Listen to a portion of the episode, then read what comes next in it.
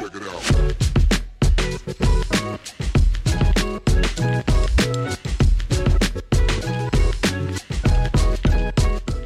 iedereen, welkom bij XNO's. Voor een keer niet over de NBA en over basketbal, maar wel zoals beloofd een special over de Super Bowl. U moet er geen zorgen maken trouwens, we gaan niet te gespecialiseerd zijn. We willen dit vooral maken voor mensen die één keer per jaar naar American Football kijken, die enkel naar de Super Bowl kijken. En die willen we dan gewoon ja, laten weten wat u allemaal moet weten, welke info u moet hebben voor u naar die ene match kijkt. Als u wel vaak naar de NFL kijkt, zou ik ook blijven hangen. Het is de moeite. We gaan nog wel over leuke dingen spreken. En het zal op het einde waarschijnlijk wel wat gespecialiseerder worden. Als u nooit kijkt, dan gaan we u toch proberen te boeien. Dus geef het een kans. Geef het al zeker een kwartier. En dan kan u zelf beslissen of u wil blijven hangen of niet. Eh, om dat te bespreken zitten bij mij Leroy Deltour van de Kick and Rush podcast. En Jurgen Nijs, vaste commentator van de NFL. Mannen, welkom hier. Dag Dennis, goedenavond. Ik ga bij jou beginnen, Leroy. Want we kennen jou als specialist van het van de Premier League, van het Engels voetbal. Je bent duidelijk een San Antonio Spurs-fan. Een van de mooiste t-shirts die we al gehad hebben in de podcast hier. Je. Voor de mensen die kijken via YouTube, die kunnen dat zien. Dank u. Wat heb jij met American football? Eh, ja, de mensen kennen me inderdaad vooral van eh, de Kick and Rush podcast en eh, ehm, als grote volger van de Premier League. Maar ehm, mensen die die podcast volgen zullen al vaak gemerkt hebben dat ik niet veel zinnigs te vertellen heb over de zondagavondwedstrijd. want ja, eigenlijk is de zondagavond heilig ten huize del Tour bij mij. Eh, ja, want vanaf dan eh, zet ik gewoon volle bak NFL op. Ehm, ik denk dat ik dit jaar eh, letterlijk geen enkele match gemist heb. Uiteraard wel in ja, in een Game Pass module, dus verschillende wedstrijden door elkaar. Ehm, en de lockdown bo- bood daar een ideale mogelijkheid voor om eigenlijk amper iets te missen. En ja, ook hetzelfde als bij de Premier League ben ik ook een, een grote fantasy freak, eh, ook in de NFL. Eh, dat zorgt er ook wel voor. Om het nog even extra te duiden, voor de mensen die zich afvragen, ja, ja, die zal wel elke match gezien hebben, het zal wel zijn. Leroy werkt ook af en toe voor Play Sports. Hij werkt nooit op zondag bij ons. Hè? Nooit. Zondag tijdens het NFL-seizoen is heilig. Dan komt hij niet bij ons werken. Dan is het puur de hele dag NFL kijken. Ja, absoluut. En de maandag meestal recup op Sporthouse ook. Eh, dat is de ideale combinatie. En zo raakt mijn verlof op eh, tegen het einde van het jaar. Tegen het einde van het NFL-seizoen eigenlijk. Inderdaad, ja. Dus, Jurgen? eh, komt mooi uit. Dennis, Hoeveel Super Bowls heb je al gedaan? eh, dit, zeg- wordt mijn, dit wordt mijn 24ste. 24, kijk. Dus als het gaat over expertise, dan hebben we hier wel de juiste man zitten, denk ik. Ik durf zeggen van wel, ja. Om het even algemeen eerst te doen. Wat maakt American football zo mooi? Wat maakt dat zo'n speciale sport? Ik weet nog de eerste keer dat ik naar een Super Bowl ging, Super Bowl 30, bijna toen de dieren nog praten. Ehm, toen waren de mensen van NFL Films ook aan het filmen in de Media Compound. En toen stelden ze me dezelfde vraag. Waarom kijk je in België in godsnaam naar American football? En toen heb ik geantwoord, het spectaculaire, de diepe bal, ehm, het tegen elkaar oplopen, het onverwachte dat kan gebeuren. En dat is toen een quote geworden in het boekje dat ze september erna of augustus erna uitgebracht hebben eh, voor de internationale media. Dus die staat in mijn bibliotheek, die doe ik niet weg. Dat is terecht. Maar dat is, eh, maar dat is dus het antwoord op je vraag. Het spectaculaire, het onverwachte. Want uiteindelijk is het een schaakspel, maar met levende pionnen. Mhm. Want je kan met een idee aan een wedstrijd beginnen, als, als verdediging of als aanval. En dan staat er opeens iets tegenover je, wat je niet verwachtte, waardoor je plannen eigenlijk in duigen vallen. En dan moet je eigenlijk beginnen kijken van hoe kunnen we dat nu counteren, wat kunnen we daar nu tegen doen, zodat we hier toch iets uit je wedstrijd kunnen halen.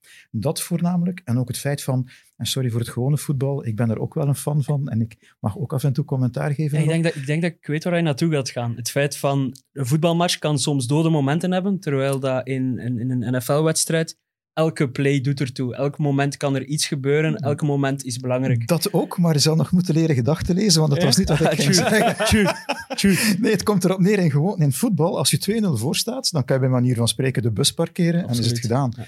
Terwijl bij American football, als je de bal niet meer hebt, dan krijgt de aanval van de tegenpartij de bal. En die kunnen altijd scoren. Want oké, ja, en, en dat maakt het dat je moet blijven Het doorgaan. is nooit eigenlijk. gedaan. Het is nooit dat is gedaan. het mooie daaraan. Of Trouwens, voor de mensen die ehm, zich afvragen, American football, wat zijn die regels nu weer precies? Dat gaan we hier niet uitleggen. We gaan wel hieronder een link zetten met een kort filmpje met de basisregels, waarin u dat kan zien, zodat u toch weet hoe het precies zit met first down, met fourth downs, dat u toch weet hoe dat precies in elkaar zit. De basisregels, want ik volg de NFL nu al 16 jaar.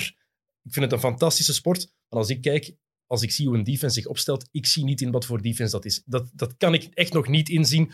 Een aanval, sommige patronen herken je wel, maar zo'n kenner ben ik ook nog niet op dat vlak. De basis ken ik wel vooral dankzij, en door, dankzij Madden, het, eh, het PlayStation of het eh, videospelletje. Zo heb ik de basis echt leren kennen. Ehm, maar de regels, dus als u die wil weten, we zetten de link hieronder. Bekijk dat heel even eerst, voor u naar deze podcast verder luistert. Of beluister dat even, dat eh, de basis daar toch is voor de mensen die het wel weten. Dat was deze boodschap totaal nutteloos. Maar kom, het is toch even meegegeven dan. En anders ook nog even zeggen dat net voor de Super Bowl wordt er ook nog een rookie guide uitgezonden op je leven. Maar ik Dus hoop toch dat ze dit al wel beluisterd hebben of bekeken hebben voordat ze naar... Maar mochten ze toch nog niet helemaal begrepen hebben, dan worden daar ook nog eens heel basis uitgelegd. Wat Leroy zegt, vind ik ook wel belangrijk ergens. Ehm, en wat jij daar ook zegt, het is nooit, het is nooit gedaan, Ja. een American voetbalwedstrijd. Ehm, en er zijn nooit dode, dode momenten. Af en toe kan dat wel zo lijken, maar dat is vooral omdat er ja, de time-outs tijdens een live wedstrijd bekijken, ja, dat duurt lang, omdat de wedstrijd zoveel stil ligt. Maar het echte spel,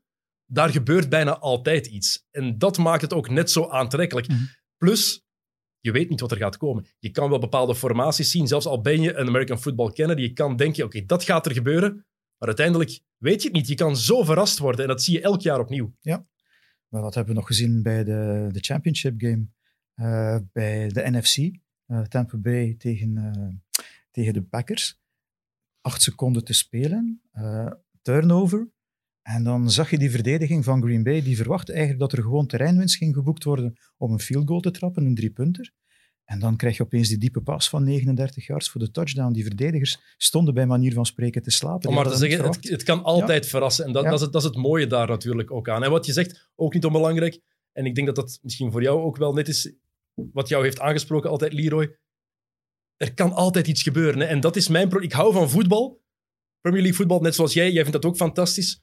Maar ik- zo'n wedstrijd met zo'n puur middenveldspel waarin niks gebeurt, ik vind dat vreselijk. Dat heb je niet in het American voetbal. Dat, Ja. komt, dat gebeurt niet. Nee, dat is, dat is omdat je ook gewoon altijd rechtstreeks offense tegen defense hebt. Dus er is altijd één van de twee partijen die een goede zaak doet. Terwijl eh, als de bal inderdaad in een voetbalmatch doelloos wordt rondgetikt, is er geen winnaar op dat moment. Eh, wordt er, gewoon, er wordt gewoon tijd verprutst. Terwijl in, in NFL is er altijd, ja, ofwel de offense doet een goede zaak, of de defense doet een goede zaak. Waardoor dat elke play eh, ja, echt gewoon belangrijk is. En, en dan natuurlijk wat Jurgen ook zei, het, het show-element er rond. Ja, die uniformen vind ik het allermooiste van alle sporten die er zijn. Die helm vind ik fantastisch. Ehm, eh, ik ben wel blij dat we er niet moeten mee voetballen, want ik kan mij, ik kan mij inbeelden dat dat niet het allergemakkelijkste is om mee te sporten. Ik heb zo'n training gedaan, een paar jaar geleden, voor een reportage voor Kickoff toen, in Play, bij Play Sports, magazine. Ja, bij de Black Angels. Ja, dat was Ja. niet aangenaam. Dat is toch moeilijk? Je hebt toch totaal geen besef goed Nee. van wat er rond je gebeurt? Als je dat, niet gewend bent, is dat heel vreemd om effectief te snappen. Die helm, dat is echt heel claustrofobisch ook. Mhm. Een heel vreemd gevoel. Eén, je hebt dan al die, die shoulder pads aan. Is dat niet claustrofobischer Nee. dan de helm? Nee, maar dat, dat, is, dat is heel geruststellend. Oké, je- Want ik, je, ik heb bescherming aan. want je ziet zo vaak wel dat andere spelers elkaar moeten helpen om, om dat kledingstuk, ja, ik weet niet hoe dat je dat dan noemt, dat harnas zal ik maar zeggen. Ehm, Ja, dus schouderstukken. Ja. ja, om dat aan of uit te trekken. Het is vooral het shirt Ja. erover krijgen dat eigenlijk Ja. het moeilijkste is. Ah ja, oké. de ja. shoulder pads zelf, dat valt mee, maar het shirt erover krijgen, dat, Dat is is... onmogelijk alleen. Ja, het moet goed we rekken. moeten ook beschermd blijven, we moeten ook bedekt blijven tijdens de wedstrijd. En vandaar dat je soms ook ziet dat ze de mouwen er terug over trekken en zo. Ja. Maar in de tijd dat ik, en daar gaan we weer, in het verleden de, de NFL begon te volgen, dan had je eigenlijk nog shoulderpads, waardoor die spelers twee keer zo breed waren. Hè. Die waren echt... Ja, maar dat is, in de loop der tijden is het altijd maar kleiner geworden. Beter materiaal. beter materiaal, maar niet alleen dat. Ook als je als, eh, als verdediger probeert bij een, een quarterback te geraken of bij een running back, dan wil je dat je zo min mogelijk vastgehouden kan worden door de tegenpartij. En hoe minder ze hebben om vast te pakken, hoe beter. Mhm. En dat heeft wel een aantal jaar geduurd voordat ze dat eigenlijk door hadden. En vandaar dat alles nu veel kleiner en lichter wordt. En toch zijn er nog spelers met dreadlocks. Ja, en Want ja, daar moet- had het goed aan, maar dat is dus een deel van je lichaam, van je uniform, en daar mag dus aan getrokken worden. Hè. Je, je mag aan de dra- Ja, ja, ja. Is het echt? Ja, Ja, ja. dat, dus, dat vind ik... Dus als je zondagnacht een ziet eh, teruggetrokken worden aan zijn haar en je denkt van, wow, eh, wat de hel, Geen dat probleem. mag... Ja, dat mag dus effectief. Dat wist ik echt dus, niet. Ja, dat zijn zo van die... eh, Ik heb al dreadlocks zien uitgetrokken worden trouwens. Dus eh, ja, de, de eerste keer dat je dat ziet, denk je echt zo... Wow. Stel je voor dat dat mag in voetbal. Allee, Dat is ik bedoel, dat is, dat is echt... Dat is, is dat is- eigenlijk gewoon is- degoutant, hè? Ja, maar ja, doe gewoon je dreadlocks af als je dat speelt.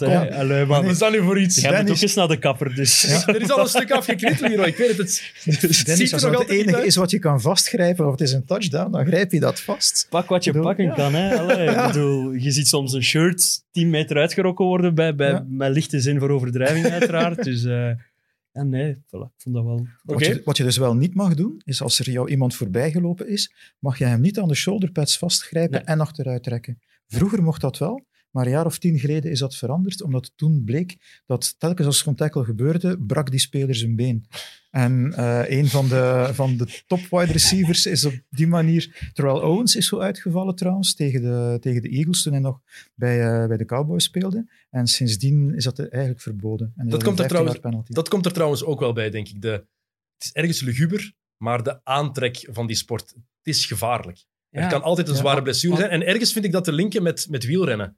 Wielrennen is ook een sport, een sprint. Waarom spreekt dat zo aan een sprint? Omdat je weet, dit is levensgevaarlijk. Die mannen die gaan tegen 80 per uur, die zetten heel veel op het spel voor hun sport. Dit kan verkeerd aflopen. Bij elke play, bij elke hit denk je, oh, Ja, dat zijn 10 seconden die er eigenlijk 35, 45 duren in je hoofd. En, en ik hoor vaak de vergelijking, maar dat is echt de grootste noob-vergelijking natuurlijk dat er is, tussen rugby en American football. Maar het grote verschil tussen die twee is American football heb je veel meer ja, botsingen op hoge snelheid dan, dan in rugby, waar dat je vaak... Ja, rugby heb je niet de super collisions. Je hebt daar ook wel stevige tackles in en zo, maar dat is nooit op, op volle snelheid dat, dat ze van twee kanten En, komen. en ook nooit frontaal. Ja. Terwijl in de NFL kan het wel frontaal. En in rugby is er ook iets meer respect, denk ik, voor de tegenstander dan in het American football. Mm, Dat denk ik niet. Nee, ik, mij lijkt het altijd zo. Als ik daar naar kijk, Nee, nee. Na de wedstrijd is altijd alles vergeten. dat is, maar ik heb het over, Zelfs- het, ik heb ja, het over het tijdens de match. Ik heb het Maar over ja, tijdens de maar je moet wedstrijd. dan hè. ook, ja, maar het is ook om, om de tegenstander uit concentratie te brengen. Want als ik als verdediger, offen- defensive lineman, dus een van die zware mannen, en ik sta tegenover de offensive lineman. Die offensive lineman moet geconcentreerd zijn, want hij weet, op twee, het het, wordt die bal gesnapt en moet ik beginnen blokken. Als je die even uit concentratie kan brengen en die komt een fractie van een seconde te laat, dat is de opening waar jij op wacht om bij die quarterback te geraken. Ben, En vandaar dat je alles vertelt wat je over zijn moeder te weten gekomen bent en zo. Maar, Nee, de moeder, dat is, ik denk dat het enige waar ze waarschijnlijk niet over praat. Ik ben pro tra- trash talk. Het is een NBA-podcast hier. Wat denk je? Dat is, Ja, allee, oké, ja. Een van mijn lievelingsspelers aller tijden in de NBA is Rasheed Wallace. De enige gast die ooit in een seizoen van 82 matchen 42 technische fouten heeft gekregen. Om maar te zeggen. Dus Ja, ja. dat hoort erbij. Maar als Ja. ik ze zie spelen, dan denk ik... In het rugby willen ze elkaar minder echt pijn doen dan in het American football. Daar zijn sommige gasten waar je wel van denkt van... Oké, die gaat de andere echt wel willen bezeren. als verdediger probeer je de perfecte hit te plaatsen. En heeft de ander dan pijn? Ja, oké. Dat is dan maar meegenomen. Dan is dat maar, het kan ook- meegenomen. maar het, het, is, het komt van twee kanten. Hè. Je hebt actie-reactie. Ik ga opnieuw naar de wedstrijd Tampa Bay tegen Denver. Eh, Jordan Whitehead, de safety, die maakt daar een tackle op die running back van Green Bay. Die gaat echt over kop. Ja. Maar die kan verder spelen, terwijl Whitehead is met... Ik hoop voor hem dat het geen, eh, geen sleutelbeenbreuk is. Die is naar de kleedkamer moeten gaan. Waardoor Tampa Bay dan opeens zonder zijn twee eh, beste safeties stond. Eh, nu ben ik wel weer wat technisch Dus een beetje Ja. zijn verdedigers. Maar, Ja. De laatste eh, man, de libero. De laatste, Ja. de libero. Ja, de libero, Goede ja. vergelijking. Voilà. Safety, de libero. Ja, maar dus de ene kon al niet starten omdat hij een enkelblessure had, Winfield. En dan viel Whitehead nog eens uit. Dus op dat moment kwam Adams op het veld, die eigenlijk de derde keuze speler was. Als mensen zich afvragen waarom hebben ze 50 spelers nodig Daarom. maar dat is het antwoord. En ook, het, dat is ook hetzelfde antwoord op de vraag van waarom spelen die maar zo weinig wedstrijden op een jaar? Omdat ja. op den duur schiet er echt gewoon niemand meer het over van, van, van uw team. Ja. En dat is wat volgens mij ook de reden is dat de Super Bowl zo aantrekkelijk is. Omdat het is één finale, je weet van, er is, er is maar één prijs te winnen in, in, in, heel, allee, in heel die sport eigenlijk. Terwijl in voetbal, de Champions League finale is ook een eendags-event. Mhm. Maar ja, Ja, kijk, onder- kijk onder- naar de Premier League. ondertussen is Bayern kampioen. titel, Ja, voilà. Champions League, Europa League. Voilà, Dan gaan ze terwijl, maar door. Terwijl voor de 32 ploeg, 32, ja, toch? 32, 32 ja. ploegen van de NFL is er maar één prijs te winnen elk jaar. En er zijn maar 19 of 20 wedstrijden, denk ik, om tot aan die, eh, aan die finale te raken. Ieder speelt er 16. In ja, zeven 16 in het seizoen seizoen, en, dan, 16, en dan nog drie of vier playoff matchen. En daar heb je dan ook het verschil met bijvoorbeeld de NBA, met de. NHL, met Major League Baseball. Daar is het telkens een best of five of een best of seven. NFL kan het one and you're done zijn. Hè. Je wint en je, Het is gewoon rechtstreeks uitschakeling. rechtstreeks ja. uitschakeling. De verliezer die gaat naar huis. De winnaar in dit geval nu ook met Tampa Bay natuurlijk. Oh, ik, weet, want- ik weet, want ja. we moeten hier oppassen met wat we zeggen over een NBA, want we zitten hier in een NBA-podcast. Dus, want, dat is- zeggen over het NBA dat, is bijvoorbeeld, dat is bijvoorbeeld wat ik het moeilijkste vind aan de NBA, is dat dat reguliere seizoen zodanig lang is en zodanig veel wedstrijden, dat je sowieso het gevoel hebt, de acht ploegen die erin moeten raken in de playoffs aan elke kant, die raken er sowieso in. Omdat er genoeg wedstrijden zijn, Dat zou je waardoor, dat, denken. waardoor dat die zich geen misstap kunnen veroor, Mhm. waardoor dat die zich nu en dan wel eens wel een misstap kunnen veroorloven. Terwijl in de NFL is, is ja, maar 16 wedstrijden, el- elke win, elke los. En toch is dat, was dat dit jaar voor een van de finalisten, want we gaan het over de Super Bowl hebben. We hebben de Buccaneers, Tampa Bay tegen de Kansas City Chiefs. Eén van die twee, Kansas City, in het reguliere seizoen, was dan wel net een ploeg die het zich wel kon veroorloven om eens een wedstrijd wat minder te spelen, omdat ze zo goed waren. Omdat ze zoveel klasse hebben. Eh, hebben we dit jaar toch gezien, Jurgen? Je gaat me niet zeggen dat ze het hele seizoen op volle kracht hebben gespeeld. ik dat heb- ze wel, het hele de, jaar eerste, door... de eerste acht weken wel, en dan zijn ze beginnen minder. En dat zag je ook in het aantal verschil in het aantal punten Voilà, in de wedstrijden. De eerste acht weken was dat met een gemiddelde van 15 punten dat ze meer scoorden. De laatste eh, acht was dat met 6, 7 punten. Het klopt ook wel. Maar wat je hebt met Kansas City is dat die eigenlijk één quarter van de vier het gaspedaal indu- induwen en de wedstrijd is gespeeld. En dat is wat iedereen ook zegt. Hè. Het is zo- zo'n ploeg, en je hebt dat ook in de NBA, had je dat een paar keer. Je had het met Golden State een paar Ja, jaar ik hoorde de vergelijking met de Chicago Bulls. Stephen. Curry. Maar Golden State was daar nog een extremer voorbeeld van. Een ploeg die die on-off switch heeft. Ja. Die, kun- die kan zeggen, ah, we staan er 15 achter in het begin van het derde kwart. Mannen, het is tijd. En we duwen even door en op het einde van het derde kwart staan ze er 10 voor. En Kansas City is ook zo'n ploeg. Ja. Die, kunnen op het, die kunnen aan de rust 10 punten achter staan. Mahomes kan beslissen met zijn, dat is de quarterback van Kansas City, kan beslissen, oké, mannen, het is de moment. En dat gebeurt dan ook bijna altijd. Wel, vorig jaar in de playoffs. Ze hebben de Super Bowl gewonnen vorig jaar. Maar ze hebben geen enkele wedstrijd op voorsprong gestaan. Hè? ze, hebben, ze stonden telkens minstens 10 punten achter. Ja, nu ook in de halve finale. Nu Hè. ook Zijn ze in de ook achtergekomen, finale, 10-0 achtergekomen, denk ik. Nee, en, en 9. 9-0, ah ja, want er, de Gemist- field goal is gem- ge- ja, extra gemist point is gemist. Eh, maar eh, ja, die zijn ook zonder problemen. En het is ook een beetje het omgekeerde. Je zegt van ze kunnen inderdaad die, die knop af of aanleggen. Maar ze, ze- dit lijkt wel alsof dat ze zich een beetje vervelen soms in het begin van een wedstrijd. Dat ze weten van. eh, ja, soms doen ze heel rare experi- experimentele plays. waarbij dat plots, in plaats van dat de quarterback de bal gooit, dat het plots. Eh, ik ik herinner mij één play waar dat plots de tight end, een van de grote eh, blokkende mannen, plots Travis Kelsey, zal er straks wel nog eens passeren, want dat is een fenomeen om naar te kijken. Ehm, dat hij plots met de bal gooit en zo, en dat loopt dan mis. Eh, dat was zelf tegen Tampa Bay, denk ik. Het is, een ploeg die, het is een ploeg die het zich kan veroorloven om te experimenteren, zelfs op belangrijke momenten. En dat zegt eigenlijk alles over de kwaliteiten die zij hebben. Het hangt ook af van de quarterback. Want Mahomes, dat is echt een fenomeen. Niet vergeten. Die, De, de quarterbacks, de quarterback is een zo meteen. Daar gaan we het zo meteen uitgebreid Ja, over ja, hebben, want dat is een, een onderwerp dat Ja, maar, verdient extra veel aandacht. maar dit is een nieuw soort quarterback. Dit hebben we nog nooit gezien. En dat maakt het dan ook zo moeilijk voor die verdediging om zich daarop in te stellen. Ehm, je zei daarnet van het is nooit over. Nee, het is nooit over. En zeker ook niet met Mahomes. Je mag niet relaxen als verdediger, want anders eh, heb je prijs. Hm. Eh, voor we echt daar dieper op ingaan, op deze, deze Super Bowl. Je hebt het al gezegd, Leroy, het is die ene prijs die er is voor de NFL. Maar voor Hij mij... staat hier, hè, Ja, staat hier. De, een Vince mooie Lombardi. replica van eh, de Vince Lombardi Trophy, van de kampioenentrofee. Ehm, waar eh, de heer Sam Kerkhoffs mooi in heeft proberen te zagen, trouwens. Ja, ze dat in de kast kan. het, is, het is niet gelukt, hè. Zie je, daar het streepje onderaan? Oh nee, Ja, ja, ja. echt? Hoe Dus, eh, We hebben er vakkundig de bal voor He- gezet. heilig, heilig schennis. ja. Ah, heerlijk. Ehm, maar dat staat helemaal los van het feit waarom de Super Bowl wereldwijd zo populair is. Want ik, we vonden het een goed idee, Leroy, om deze podcast te maken, net omdat we weten, er zijn heel veel mensen die naar de Super Bowl kijken, maar die het hele jaar door geen American football kijken. Dus twintig weken ervoor kiezen om daar geen aandacht aan te besteden, maar ineens denken, oh, het is de Super Bowl, die moet ik wel gezien hebben.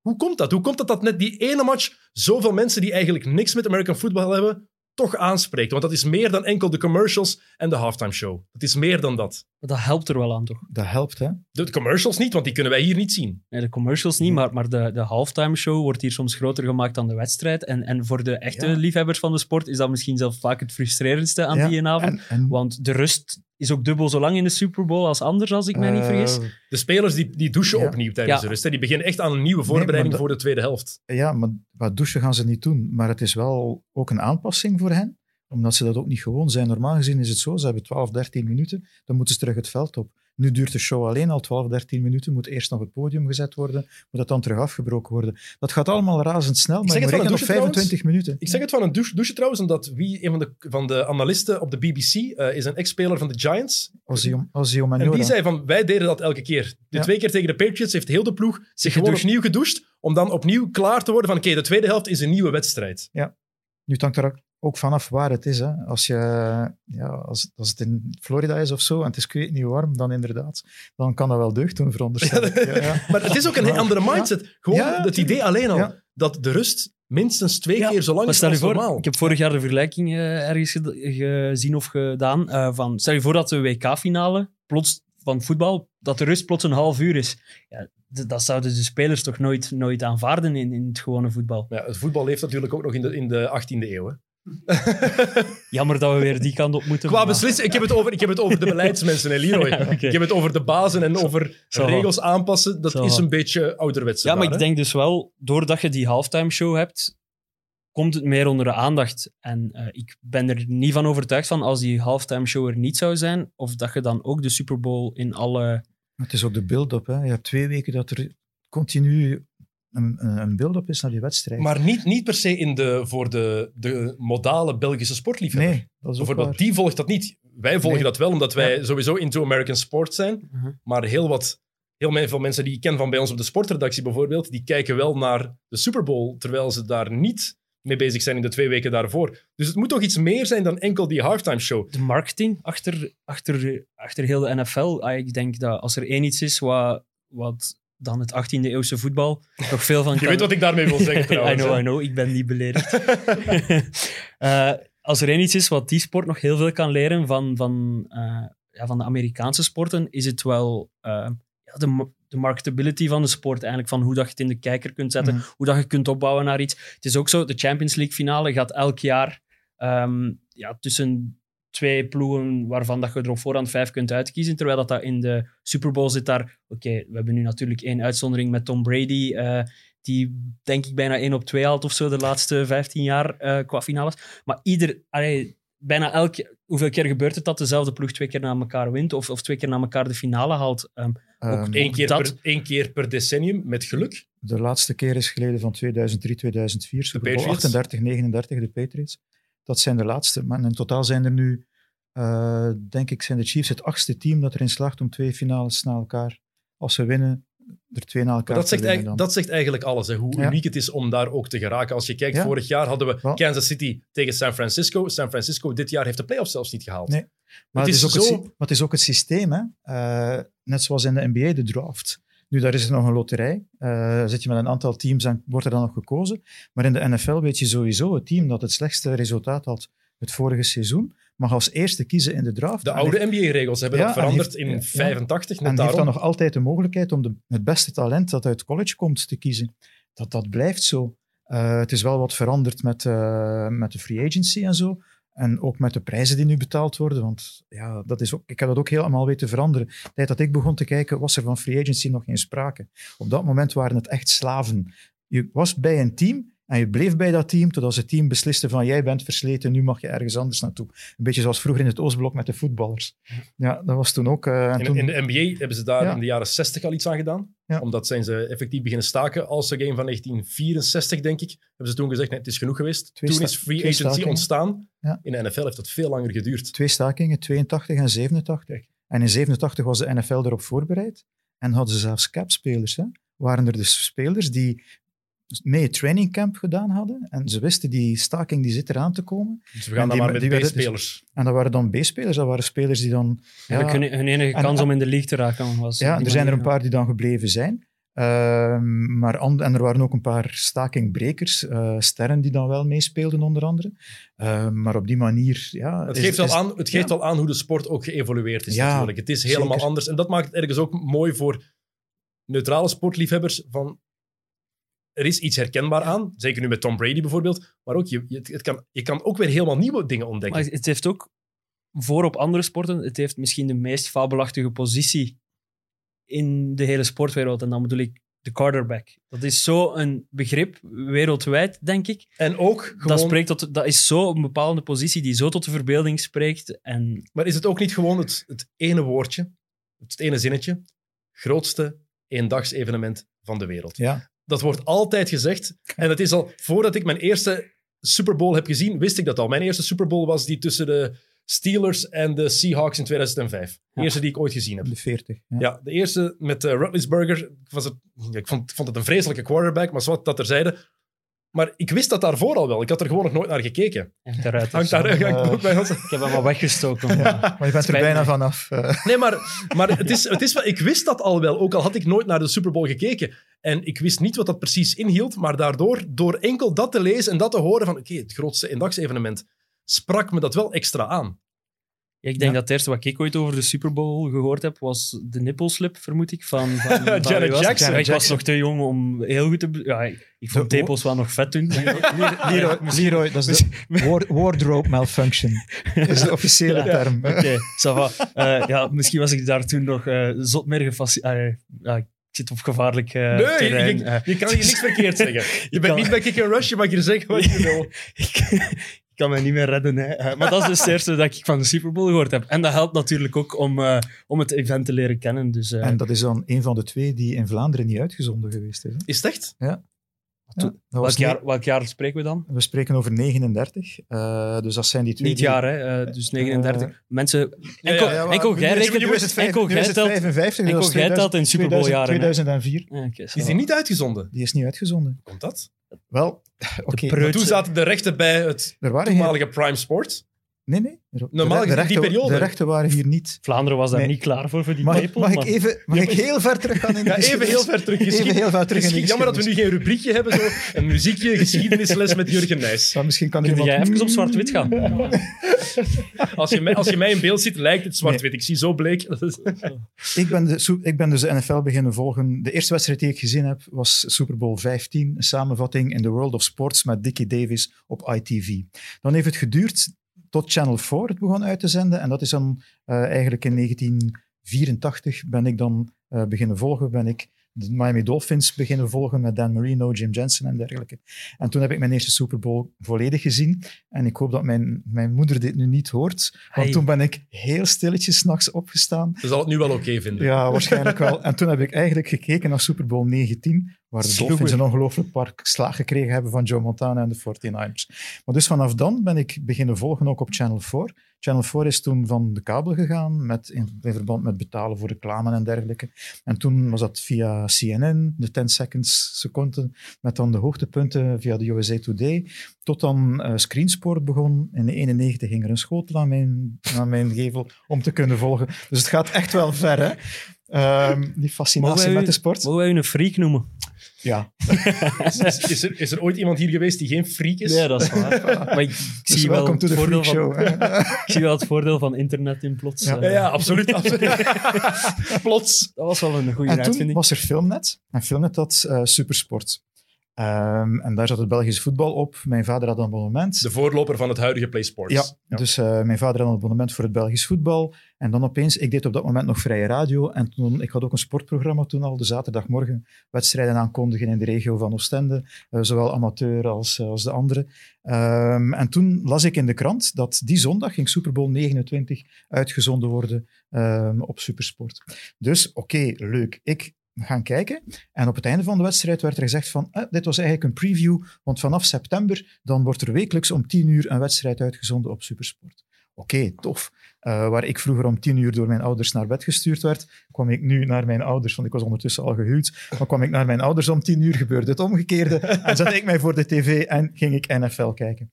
Het waren Nederlanders die commentaar gaven, en die maakten ongelooflijk fouten, zodat ik na een paar weken eigenlijk zonder klank aan het kijken was, tot de matchup Miami Dolphins, New York Jets. Onder andere de wedstrijd met de spike eh, van Dan Marino. Dus die faked alsof hij... Ik denk dat je voor Leroy en mij allebei te ver terug gaat even. nu. Oké, goed. Maar je moet maar eens kijken op YouTube, je vindt dat daar terug. Dus mensen die luisteren en niet weten waar het over gaat, wij weten Dus het ja. ook even niet. On- onze mond valt ook open. Ja, oké, maar... Maar vertel gerust verder, graag. Ja, dus dat is eigenlijk... Je staat dus nu in... in- je stond op de vijf-yard-lijn, denk ik. En ehm, hij deed alsof je de bal... Je mag dus als quarterback, als je geen time-outs meer hebt, in de laatste twee minuten van de eerste helft en de tweede helft, mag je de bal op de grond gooien.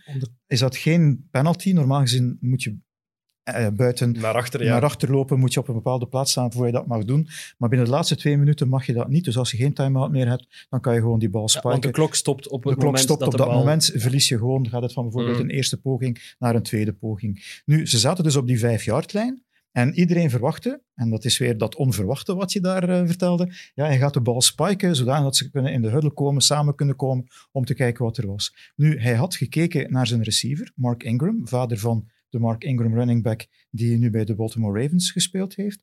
Ehm, en ze keken naar elkaar, knikje, en in plaats van die bal te spiken, liep Ingram naar de eindzone en Marino deed een, een fake en gooide dan de bal naar de eindzone. De verdedigers stonden te kijken. Touchdown Dolphins. Dus in die wedstrijd wisten mijn Nederlandse collega's toen te vertellen dat de Jets nog nooit de Super Bowl gespeeld hadden. Terwijl Super Bowl 3 is... Oké, nu misschien niet zo bekend hier, maar dat was dus de wedstrijd waarin de Jets met 17 punten underdog waren. Dat Joe Namath, de quarterback toen, Ja. eh, Broadway Joe, omdat hij was een heel knappe man voor die tijd. Eh liep dan ook met bontjassen rond. Had altijd ja, een dame aan elke vinger bij manier van spreken. En aan het zwembad in Miami had hij toen gezegd: We'll win, I guarantee it. En ze wonnen ook met 16-7. En als je dan zegt dat de Jets nog nooit de Super Bowl gespeeld hebben, dan ken je volgens mij de sport en de geschiedenis niet. Die frustratie zit nog altijd diep, de Voilà. En toen... Dat snap ik wel. hey, laat het los, Jurgen. Ja, maar ik Je heb hebt- het losgelaten, je hè? hebt het- Je hebt het mogen overpakken, maat. Hey. En wel, En weet je hoe dat dan gebeurd is? Maandagmorgen, mijn echtgenote, oh, wat hebben ze nu weer verteld, en si en la. Omdat dat iedere week het geval was, zei ze, als je het beter kan, waarom laat je het niet weten? En toen, we spreken 1994, 95, Ik ben net geboren. Ja, was, er Twee van, jaar. was er van internet en e-mails nog geen sprake. Dus effectief een brief geschreven. Die heeft een week op de hoek van de tafel gelegen. Tot ze zei op vrijdag, ik wil maandag geen gezaag meer horen van jou. Wat doe ik met die brief? Post ik hem of niet? En toen heb ik gezegd van ja, oké, doe maar. En toen heeft ze hem gepost. Dinsdag kreeg ik dan telefoon eh, van eh, Martin. Nu moet ik even zijn Voor, familie... voor de luisteraars Martijn, die- Daneel, voor de Martijn Daneels heeft mij toen opgebeld van hoe volg je het en dergelijke, kan je eens komen? Ik ben donderdag ben ik dan mijzelf gaan voorstellen op de redactie van Supersport. Ehm, zondag zat ik dan in de cabine op proef. En in januari zat ik voor Super Bowl 30 in, in Arizona. Dus zo snel is het toen gegaan. Ehm. Dat, dat kon nog toen. En ja, voor, voor de luisteraars die niet weten wat post is, dat is zo'n brief met, met een postzegel op. Ja, dat je inderdaad. doen. Maar dus, maar dus zo is het eigenlijk begonnen. En toen zaten de rechten, want zo zijn we bij het verhaal gekomen, Mhm. zaten de rechten bij Filmnet. Filmnet is dan overgenomen door Canal+. Canal Plus is toen gestopt. Waar zijn we dit verhaal begonnen? Bij de nippelslip. de rechten- bij de nippelslip. Niet de uitgezonden bij is de nippels, Ja, 2004. de rechten Ja, ja. voor 38 en 39. Dus die waren hier in Vlaanderen en België waren die niet verkocht. Die wedstrijd is hier niet uitgezonden geweest. En dan 40 is Telenet ermee begonnen. En dan is, Play, is dat Play, Play Sports geworden. En dan sindsdien, sinds 40, zijn ze allemaal op antenne geweest. Kan jij zo één moment ongeveer prikken waarop dat jij het gevoel hebt van vanaf dat moment was de Super Bowl iets groots in Vlaanderen? Ehm, eigenlijk zijn ze met 40 begonnen, zijn met hem elk jaar opnieuw uit te zenden. Ja. Omdat dat ook... ehm, er is eigenlijk een dip gekomen met Super Bowl 37, de laatste die toen eigenlijk op VT4 uitgezonden Dat is begin geweest 2000 dan, hè? Dat is, Eh, het was eh, 2002 is dat Ja, geweest, denk ik. oké. Ja. Dus toen is er eigenlijk een dip gekomen, want VT4 was toen begonnen met die 36 en 37 hebben ze uitgezonden. Ehm, 36 was toen met U2 die optrad na 9-11 en dergelijke. Ehm, maar toen aan de rust was die wedstrijd gespeeld tussen Tampa Bay en de Raiders. En op dat moment zijn de kijkcijfers ook gezakt. En hebben ze dan gezegd van het jaar daarna van we doen het niet meer. En dan eigenlijk vanaf 40 zijn... Want vroeger had je heel veel blowouts in de Super Bowl. Hè. Het stond er maar één ploeg op het veld. En eigenlijk de laatste jaren ook met die free agency.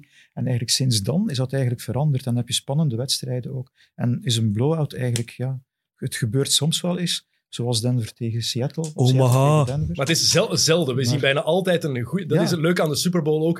De laatste jaren, het is bijna altijd een goede match. Ja, En dat, dat maakt mij extra enthousiast om naar de Super Bowl Ja. te kijken. Je weet, oké, vroeger was het heel vaak de halve finales, de championship games, zoals die noemen, die waren vaak beter dan de Super Ja. Bowl. Dat is de laatste jaren wel veranderd. klopt. En dat is alleen maar positief voor de sport ook. Ja, plus ook het feit dat ja, een, ik ben geen echte hoera hoera fan van, van Tom Brady. Maar sinds hij Daar, er gaan we eigenlijk- nog op terugkomen. maar, maar sinds hij er eigenlijk nu in tien van de laatste 19 jaar in komt, ehm, ja, zijn er veel mensen die, Herkenbaarheid, zich, ja. die, die een naam kennen van ah, Tom Brady en dan weten ze waarover het gaat. Vroeger was dat niet het geval. herkenbaarheid is een beetje, Ja, beetje wat Michael Jordan misschien voor de NBA was. Het is, dan- dat is anders ergens, want je, basketballers en voetballers, je ziet hun gezicht. Dat maakt hen gewoon automatisch herkenbaarder dan mannen met een helm op. Dat is ook waarom NBA-spelers in de States populairder zijn dan NFL-spelers, omdat die gewoon herkenbaarder zijn. Quarterbacks hebben, zijn natuurlijk wel populair, maar als je kijkt naar de endorsement deals, de reclame deals die er zijn in de States, er zijn veel Ja. meer NBA-spelers die daarvoor in aanmerking komen. Puur en alleen omdat die gewoon herkenbaarder zijn. Quarterbacks zijn ook de glamour boys. Hè? Mhm. Als ze nog uit Californië komen en ze zien er nog wat betrekkelijk mooi uit, dan, ja, dan zijn ze ook herkenbaar. Oké, ehm, ik, wou- ik heb er geschreven over welke dingen moeten we het echt hebben. De quarterbacks, de spelverdelers, de belangrijkste positie in het American football. En wat het extra leuk maakt voor mensen die willen kijken, de quarterbacks maken deze affiche. Het is Kansas City tegen Tampa Bay, maar voor iedereen, het is Patrick Mahomes tegen Tom Brady. De greatest of all time wordt die genoemd. En als we kijken naar de cijfers, is dat moeilijk tegen te spreken. Denk eens, een tiende Super Bowl. Doet het nu met een andere ploeg. Ja. Is weggegaan bij de ploeg waar hij 20 jaar gespeeld heeft, bij de eh, New England Patriots, om naar Tampa Bay te gaan. En de Buccaneers zijn nu niet de ploeg met de meest ehm, interessante geschiedenis, om het ehm, mooi te zeggen, tegen de, volgens sommigen, meest getalenteerde quarterback die misschien ooit bestaan heeft. Ik zeg volgens sommigen, ik, ik Ja, zeg het heel voorwaardelijk, maar Ja, want het is, het is eigenlijk de GOAT tegen de go-to-be. Ja, voilà. Goat tegen little goat, bij manier van spreken. U- we hebben het er al even over gehad. Het feit dat hij dingen doet die we nooit gezien hebben, ja, dat, dat zorgt allemaal mee daarvoor. Maar je zegt inderdaad, de affiche is Brady tegen Mahomes. Maar het zijn wel de verdedigingen die zullen bepalen wie de wedstrijd zal Maar winnen. Als als, NFL maar, als ja. maar- als modale liefhebber en gewone mensen die eens naar, de, naar American football kijkt, die defense, daar ga je niet op letten. Je gaat kijken, wat gaan die twee quarterbacks Mhm. doen? Wat gaat Brady doen? Ja. Wat gaat Mahomes doen? En ik denk ook als de NFL had kunnen kiezen wie ze tegen elkaar hadden in de finale, dat dit wel hoog op het lijstje stond. eh omdat, Bovenaan. Bra- Helemaal ja, ja, dat, toch, dat ja. denk ik ook. Omdat ja, Brady is inderdaad zo herkenbaar. Eh, voor al mijn vrienden die het een beetje volgen, als ze één speler moeten opnoemen, gaat het altijd, ja, pak 99% eh, Tom Brady zijn, misschien 1% Aaron Rodgers. Ja. Ehm, En de vraag natuurlijk ook altijd, is dat die van Giselle Bundchen? ja, ja, Ja, maar dat is... Ja, Ja, voilà. tuurlijk. Alleen dat al. Tuurlijk. Terwijl hij eigenlijk al een, een kleine had in de oven steken bij Bridget Moynihan voor hij zichzelf tegengekomen is. kan het- je kunt het, je maar, kunt het toch niet laten om Tom Brady nog even wat te besmeuren. maar halfweg het seizoen, mijn collega's, voornamelijk mijn Franstalige collega's, die waren bezig van, ah, Brady heeft dom gedaan. En, ja, en, en dan heb ik gezegd van, nee, geef hem tijd. Op dat moment, eh, acht weken, negen weken ver in het seizoen, was nog maar de negende keer dat hij met die ploeg op het veld stond. Hè? Maar je mag niet vergeten, er is geen pre-season geweest door corona. Ze hebben wel een trainingcamp gehad, maar dat is niet hetzelfde als wedstrijden spelen. Je moet elkaar leren kennen, je moet elkaars kleine signaaltjes leren kennen, lichaamstaal leren lezen. Ehm, en, en ja, kijk nu, ze hebben de laatste zeven wedstrijden op rij hebben ze gewonnen eigenlijk. Hij is gerodeerd. Het is zijn ploeg nu, wat in het begin niet zo was. Geef hem tijd, Ja, weten sinds, sinds december speelt hij echt de, de pannen van het dak. En ik vind het ook wel... Hij krijgt heel veel lof, omdat hij zogezegd de Bucks eh, ja, voor het eerst in de playoffs gekregen heeft. Maar hij heeft ook wel gewoon aan heel goede carrièreplanning gedaan, denk ik. Dat we dat wel moeten kaderen. Het is niet dat de Bucks vorig jaar sukkels waren of zo. Eh, die ploeg was eigenlijk klaar om naar de playoffs te gaan. Was klaar om goed te zijn. Hebben een goede defense. Hebben een goede O-line. Eh, wat is de O-line? Dat zijn die brede, grote mannen die eigenlijk ervoor moeten zorgen dat, eh, dat Tom Brady zich niet vuil maakt. Eh, Dat hij de tijd, dat hij de tijd dat- krijgt om ja, dat hij de tijd zijn been niet ja, breekt. dat hij niet moet bewegen en dat hij de tijd krijgt om eh, zijn bal te gooien. Eh, die was ook uitstekend al vorig jaar. Het enige wat ze vorig jaar niet hadden, was een stabiele quarterback. Want eh, ja, ze hadden daar de, de, de relatief labiele James Winston eh, op quarterback staan, die het record voor intercepties gebroken 30, heeft eh, vorig jaar. 30. Dus dat was wel altijd spectaculair om naar te kijken, de Buccaneers. Maar, maar nu komt Tom Brady eh, in die kleedkamer. Met een En- paar extra Nee, wapens. maar, maar ook daar hè, eh, mag je Brady niet onderschatten. Nee, als X-factor. Ja, omdat die offense van Bruce Arians, hij heeft een gezegde no risk it, no biscuit. Bruce Arians is de headcoach de van de headcoach van Tampa Bay Tampa Bay. Buccaneers. Dus ja. hij heeft een gezegde no risk it, no biscuit. Wat dus wil zeggen, we gooien de bal diep. Whatever. En dat heeft dus tot die 30 onderscheppingen geleid van Jameis Winston. Hij is ook quarterbackcoach geweest van Ruttlesburger, ook van Andrew Luck, nog bij de Colts toen, waar hij ook een tijdje interim headcoach geweest is. En als je kijkt, de, de passes die geworpen werden door die quarterbacks, die hadden per seizoen gemiddeld 40 passes die het gevaar hadden om onderschept te worden. Bij Winston zijn er dat 30 effectief geweest. Nu bij Brady dit jaar, voor de eerste keer in dat systeem, zijn dat er maar 17. En dat heeft er ook mee te maken, de ervaring. Dus Hij, leest veel sneller die wil verdediging, zeggen, hij hij is- beslist veel sneller. Hij is, dat wil eigenlijk gewoon zeggen, hij is twee keer zo betrouwbaar als de quarterback die er was. Ja, hij en heeft twee anderzijds, keer zo en weinig hij heeft ook de offense naar zijn hand mogen zetten. Arians heeft daar wat in ingebonden. Heeft hij ook letterlijk gezegd van, Ja. Brady kiest wel een beetje wat we doen. Dus ja, die zijn, zijn Maar legacy is dat natuurlijk heeft wel geduurd tot de rust van week 12, toen ze eh, serieus motten kregen van de Chiefs. Hè? Een tegenstander van, ja, eh, van tegenstander van de Maar even, even, even, we gaan even terug, want we zijn redelijk gespecialiseerd aan het gaan. We zijn redelijk diep aan het gaan al even. Ik wil even teruggaan van Tom Brady. Dus ik zeg de GOAT, en dat is allemaal heel gemakkelijk om te zeggen. Ehm the greatest of all time. In het voetbal is daar bijvoorbeeld al jaren discussie over. Is het Maradona? Is het Pele? Is het Cruyff? Is het Messi? Is het Ronaldo? Je kan daarover blijven doorgaan. Enkel in basketbal is daar geen discussie over. Ehm, nee, maar Tom Brady, om het even te kaderen wat daar zo speciaal aan is, want ik denk dat dat niet gemakkelijk is voor heel wat ehm, mensen in Europa, court. Die gast heeft nu 33 matchen gewonnen in de playoffs. Mhm. Aller tijden. Als we kijken naar alle quarterbacks die er ooit zijn geweest in de NFL, de nummer 2 heeft er 16. Ja, Joe Montana. Meer dan twee keer zoveel overwinningen. Gast is, die kerel is 43 jaar in een van de meest gevaarlijke sporten, een van de gevaarlijkste sporten die er, die er zijn. Haalt hij nogmaals de Super Bowl, de finale, met een nieuwe ploeg. Want je kan zeggen, had een goede ploeg, maar je moet je wel nog altijd kunnen aanpassen. Het is een hele nieuwe omgeving. Je gaat van, van Boston, eh, van New England, ga je naar Tampa Bay in Florida. Waar iedereen met pensioen gaat. Dat is, iets helemaal, dat is iets helemaal anders. Je hebt een nieuwe coach, los van degene waar, want hij heeft 20 jaar dezelfde coach gehad. Vergelijkbaar met Tim Duncan, die 20 jaar met Greg Popovich heeft samengespeeld. Eigenlijk is dat de perfecte vergelijking wat Tom Brady had met zijn vorige coach met Bill Belichick. Deze gast gaat voor de tiende keer naar de Super Bowl. Kan die voor de zevende keer winnen. En er wordt dan soms een vergelijking gemaakt met, ja, het zou hetzelfde zijn als, als Michael Jordan, met de zes titels van Michael Jordan. Nee, dit is meer vergelijkbaar met wat Bill Russell gedaan heeft. Elf titels in 13 jaar. Ze- tien Super Bowls halen is, is ik weet, iets on- onwaarschijnlijk. Het is, de- de ik weet eerste- niet of dat... Ik probeer, het te, te vatten. Nee? ik probeer een vergelijking te vinden De met voetbal. eerstvolgende heeft er vijf gespeeld. Hè? John, John Elway en heeft er drie verloren. Ik probeer een vergelijking En te, dan te hoeveel vi- is van Brady nu? Zijn tiende. De- Zijn Tiende. Dus Hoe- hij hoeveel heeft dubbel League? zoveel als de tweede meest. Hoeveel Champions League finales zijn dat?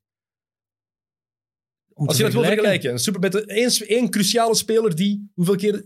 Het is meer dan tien keer de Champions ja, League pak, pak finale 20. halen. Ja, pak 15. 15 20. Champions League finales. Dan heb ja, 10. Welke, is- welke speler... Ja, ik weet niet, veel spelers gaan ook niet 10 Champions League finales gespeeld hebben, Dat is toch? ook waar.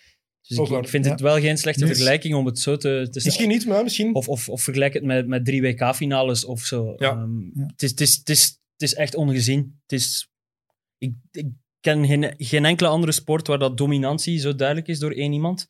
Eh, ja, er zijn al, ik ken wel niks van korfbal en zo, dus misschien dat er in korfbal wel zo'n dominante spelers zijn. Maar ik bedoel, Formule 1 niet, voetbal niet, NBA niet. eh, nee, Ja, gewoon- in, het baseball, in het baseball heb je Babe Ruth, die ook tien finales gespeeld heeft en er zeven gewonnen heeft. Hè?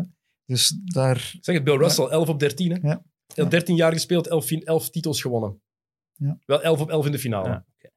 En dan mag je ook niet vergeten dat Brady gekozen is in de zesde ronde van de draft. Hè? Als 199 Ja. het, we hebben daar een, Ik heb er een paar jaar geleden heb ik daar een reportage over gemaakt voor zijn, de Super Bowl tegen... eh, zijn laatste die hij gespeeld heeft, denk ik, die hij gewonnen heeft. Falcons, tegen de Rams. Falcons. Tegen de Ah. Rams. Tegen de Rams was de laatste die hij gespeeld heeft. 53, En twee dan, jaar terug. over, dan doorloop je... Ik had eigenlijk drie minuten om die reportage te maken. Om echt zijn carrière. Ik heb 4,50 of 5 minuten gemaakt. Het was gewoon niet mogelijk om daar iets Nee. moois van te maken. Het is te veel om te vertellen over die gast. Heeft ook al... En heeft net zoals LeBron James dat ergens heeft... Dit is, dit is, niet, Tom, dit is niet gewoon Tom Brady. Dit is Tom Brady 4.0. Hij heeft al een paar verschillende carrières gehad. Je hebt het begin van Brady, waarin hij eindelijk die kans gekregen had dat hij heeft in de playoffs mogen overpakken van zijn geblesseerde ploegmaat. Dan heeft hij zijn kans gegrepen, heeft hij die gepakt. Minder, even een blessure gehad. Nieuwe stap gezet. Dan even wat minder. Tenminste, minder. Tussen aanhalingstekens tenminste geen titel gewonnen. Dan is hij hier opnieuw geweest. En nu is hij hier met een nieuwe ploeg weer. Het is, hij blijft zichzelf op een of andere Ja. manier altijd opnieuw En uitvinden. ik kan je verzekeren, mocht hij de afgelopen twee jaren niet bij New England gespeeld hebben, ging New England de playoffs nooit gehaald hebben. Want hij is nu weg daar. En kijk wat er met New England gebeurd is. Hij is weggegaan uit frustratie in New England, omdat hij jaren aan een stuk minder loon gekregen heeft, of gezegd heeft van oké, neem maar van mijn loon om versterkingen bij te halen. Dat zijn vrouw verdient meer dan hem, hè? Ja. En ze hebben dat eigenlijk nooit gebruikt om de offense te versterken, maar altijd voor de verdediging. Zodanig dat vorig jaar, hij heeft dit jaar drie passes meer gegooid dan vorig jaar, voor 600 meer yards en voor eh 12 touchdowns extra. Maar in welke heeft hij niet ook een beetje een zinkend schip verlaten? Ja, maar hij hield het schip recht. Hè? Het- Mhm. Het is Ja. hij die het schip drijvende hield. Ja, dus hij heeft gewoon beslist, het schip mag zinken. Zijn, contract, zijn, zijn contract was kan ten aan een einde. piratenploeg. Ja, zijn contract was ten einde. En, En wat, maar wat het nog mooier maakt, ik denk niet dat er, dat er een andere sporter is die na zijn veertigste ooit zo'n niveau gehaald heeft. Nee, ik, Geen, en, geen enkele. Nee, er was een wedstrijd in de playoffs waar dat ze een, een, een, een foto toonden van eh, de vorige quarterback die ouder was dan 40. George eh, Blanda. Ja. ja, die een wedstrijd gewonnen had. En dat zag er... Ja, die was... Ik ga het zeggen dat is. Die zag er doorrookt, afgeleefd. eh, Maar dat was ook zo. die, hè. ja, die zag er, dat- maar dat zijn ook die zag er rijp voor het pensioen uit. Terwijl Tom Brady, die ziet er... Ja, die ziet er nog altijd 25 Maar- uit. En dat zegt, want dat zegt ook wel iets over de, hoe dat hij in het leven staat. Hè. Tom Brady hij is heel strikt qua voeding. En hij heeft zijn, TB12 is hij een merk. Hè. ja, hij heeft zijn eigen merk inderdaad, zijn eigen industrie in, in ja, hoe moeten we het omschrijven? Voedingswaren, Ja, gezo- samen met Alex, lichaamsverzorging. Dus, Samen met Alex Guerrero of zo. En- is, en- eh, zijn, de man waar hij al jarenlang mee hij- samenwerkt. hij is op dat is ook vlak- in botsing gekomen met Bill Belichick. Maar op dat, vlak is, op dat vlak is Brady zoals LeBron James, Ja, zoals inderdaad. Cristiano Ronaldo. Ja. Dat zijn de twee mooiste voorbeelden, denk ik, van mannen die... ja, die ja, niet alleen dat, maar het gaat ook over hoe dat zij hun lichaam verzorgen. Ja. Ronaldo en LeBron James investeren elk per jaar meer dan een miljoen dollar, meer dan een miljoen euro in hun lichaam, Ja. in de verzorging daarvan. Ehm, en Brady is hetzelfde. Maar zo zijn er nog. Hè. Russell Wilson van de Seahawks doet dat Maar ook. Russell Wilson is nog jong. En dat is het ding net. Het is, Betrekkelijk jong. ja, maar het is een kwestie van het vol te houden. Hè. Jurgen, Ja, als je een carrière van 20 jaar hebt, kijk naar LeBron. LeBron zit in jaar 17. Ja. Is, van zijn, is van high school naar de NBA gegaan. En hij blijft die motivatie vinden om daarvoor te werken. Wat hoor je van heel veel spelers? Ik heb alles bereikt. Wat moet ik nu, wat moet ik nu nog doen? Wat was Michael Jordan zijn probleem? In, is gestopt na negen jaar omdat hij alles gewonnen had. Heeft aan Phil Jackson gevraagd: geef mij iets. Geef, motiveer mij. Wat kan ik nog doen? Maar Brady is ook zo een die zo, zo'n freak is, zo verslaafd is aan het spelletje, die wil blijven winnen. En dat vind ik fantastisch. Maar Vorige week was er een interview met Jason Licht, de general manager van de Buccaneers, die dus ook de onderhandelingen gevoerd heeft. En het probleem was dus dat er al iemand was die met nummer 12 speelde. En niet zomaar iemand, dat was Chris Goodwin, de wide receiver, die dus eigenlijk ook wel Een goed sterspeler, eigenlijk Ja, een sterspeler. Een sterspeler. Ehm, en hij, hij zei dat van, en Brady zei daarop van ja, geen probleem hoor. Eh, hij mag dat nummer gerust houden, het is een steengoede speler. Ik hoef dat nummer niet te hebben. Ja, welk nummer wil je dan wel? En daarop zei hij, dan speel ik wel met shirt nummer 7, want ik ga voor mijn zevende titel. En Godwin, uit respect, heeft dan wel zijn nummer Mhm. zelf afgestaan. Normaal gezien wordt er betaald voor een, voor een shirtnummer. Dat is in dit geval niet gebeurd. En Godwin speelt nu met 14, Brady met 12 en zit in de Super Bowl. Ehm, Justin- zijn, er, zijn er andere atleten als je denkt, Floyd Mayweather boven zijn 40ste, al ben ik daar niet helemaal van overtuigd, maar er zijn volgens mij geen andere echte topatleten die na hun 40ste nog zoiets, nog zo'n niveau halen. Keepers in het voetbal misschien, Buffon net, net niet eigenlijk. Van der Sar, was die 40? Het gaat niet veel gescholen hebben, maar... Maar, maar Brady is 43. Ja, ja, hè? dat- Breeze, Breeze is ook 42, hè. die heeft nu ook nog de finale gespeeld, maar het verschil was merkelijk. Nu, Brady heeft eigenlijk ook nooit een zware blessure gehad, behalve één knieblessure, ehm, waar hij dan eigenlijk in de eerste wedstrijd van het seizoen uitgevallen is. Het enige jaar trouwens dat Brady bij de Patriots gespeeld heeft, dat ze de, soep- dat ze de, de playoffs niet gehaald hebben. Toont ook al aan Sick, van hoe belangrijk hij was voor die ploeg.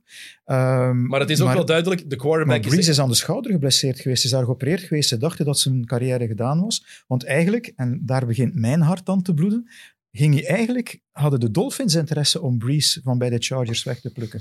Maar die was toen net geopereerd aan die, aan die schouder en die elleboog. En de ploegartsen zeiden toen aan Nick Saban, die nu headcoach is bij Alabama en daar ook in college alle titels aan elkaar reikt, eh, zeiden ze van nee, we willen het risico niet nemen. En Breeze is dan naar New Orleans gegaan en kijk, daar heeft hij tot dit jaar nu gespeeld.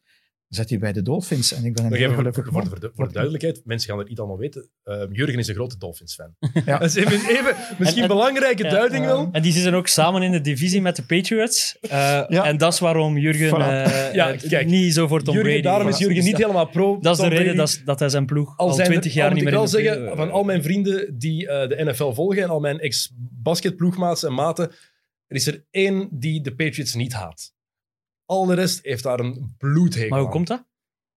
Wel, waarvoor dat, is zo sommige- de typ, dat is zo de typische ploegen, Lino. Je hebt dat toch in elke sport zo'n paar ploegen Nee. waar je gewoon, Ja, je gewoon er- niet kan uitstaan? Er zijn verschillende dingen die dat bepalen. Ten eerste, en, en je hebt ook Nu de gaan we wel weg hebt van de- de Super Bowl Je hebt, je, hebt de twee, je hebt de twee richtingen wat dat betreft. Hè. Eh, in de eerste plaats, ja, het waren altijd de Patriots. Dat begint te vervelen. Het is altijd Tom Brady. Dat begint ook wel te vervelen. Maar anderzijds, alle mensen die de NFL zijn beginnen volgen in dit tijdperk, dat zijn allemaal Patriot-fans. Ja. Net zoals ik Dolphin-fan geworden Ja. ben, omdat op dat moment Dan Marino de pannen van Maar de dat dak eerste ben ik het dus niet mee eens met dat begint te vervelen. Want dat werd ook gezegd toen het elk jaar Golden State tegen Cleveland was. werd ook gezegd toen de Lakers vier, vier, jaar, vier keer in vijf jaar de finals haalden. Op het moment zelf klaagt iedereen daarover. Ja. Tien jaar later denkt Maar- iedereen... Weet je, nog, weet je nog hoe fantastisch die periode was? Weet je nog hoe, hoe cool dat was dat die ploeg... Nu denkt, als we nu terugkijken op de, die vier jaar dat het Cleveland tegen Golden State in de NBA was, iedereen zegt dan, eigenlijk was het eigenlijk fantastisch Ja. dat die elk jaar opnieuw diezelfde finale En hadden. er zijn ook de schandaaltjes natuurlijk. Hè.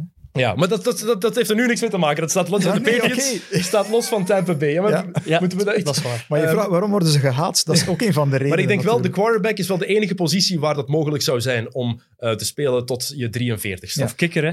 Of ja, bij kikker kan je tot je 65ste. Ik, Wel, George Blanda heeft tot zijn 48ste gespeeld. ik en was- ik denk die foto die ze getoond hebben, toen was hij 48. Ah, ik was pas met mijn, met mijn broer aan het kijken. Mijn broer volgt eh, de NFL niet. Eh, toevallig, ik wou eh, twee weken geleden wou we het kijken en hij was bij mij, dus we waren dat aan het zien. Ehm, en de kikker komt erop en die trapt de field goal. En mijn broer zo, Dat is dan een job. is dat het enige wat hij moet doen? Ik zo, ja. Moet hij alleen tegen die bal komen trappen? Ja, niks anders. Echt. En hij was daar helemaal... die snapte niet van hoe is het in godsnaam mogelijk dat dat een job is. Nee, maar die scoort nog punten. Een punter, die scoort geen Dat punten. Die moet gewoon de bal zo Dat heb ik moeten uitleggen. Ja, Niels, er zijn twee soorten kikkers. Je hebt er ook één Ja, die... Oeh, en die doet... dat snapte hij helemaal niet. Oké, Brady, de GOAT. Die kan voor zijn zevende Super Bowl titel gaan, wat onwaarschijnlijk is. Mhm. Aan de overkant heb je Pat Mahomes, Patrick Mahomes, die voor zijn tweede op rij kan gaan. Die kerel zit in zijn vierde jaar in de NFL, maar eigenlijk maar zijn derde seizoen waarin hij echt speelt. In die drie seizoenen heeft hij twee keer de Super Bowl gehaald, drie keer de halve finales gehaald. Het is een van de mooiste voetbalspelers die ik ooit in mijn leven heb gezien. Ik denk dat het eh, op dit moment is mijn favoriete atleet, court. Oh, dat is Eh, dus ik zet die zelf boven voetballers eh, op dit moment. Gewoon omdat het, het is echt fenomenaal om naar te kijken. Ehm, het arsenaal aan dingen, en dat was wat Jurgen daarnet zei. Hij, gooit no-look passes. Hij gooit eh, iets wat, wat vaak gezegd wordt, is dat het belangrijk is voor een quarterback om zijn twee voeten goed te kunnen neerzetten, om een diepe bal te kunnen gooien. Eh Mahomes start daar eigenlijk al die wetten in en kan vanuit elke hoek en met zijn voeten los al lopend, kan die bommen uit zijn armen gooien die echt nee, die ongezien zijn. En ehm, als er één man is waar mensen echt moeten op letten gewoon eh, zondag tijdens de Super Bowl om, om, om de, de schoonheid van de sport te zien, is het gewoon Mahomes. Ze hebben hem vorig jaar, ze hebben hem vorig jaar natuurlijk al aan het werk kunnen zien. Heeft vorig Ja. jaar de Super Bowl gewonnen. Het is de jongste quarterback ooit die twee Super Bowls op rij speelt. Maar wat je zegt, het is, we hadden het al over het, het onverwachte. Over wat er ineens zomaar kan gebeuren. En Patrick Mahomes is daar de belichaming van voor mij.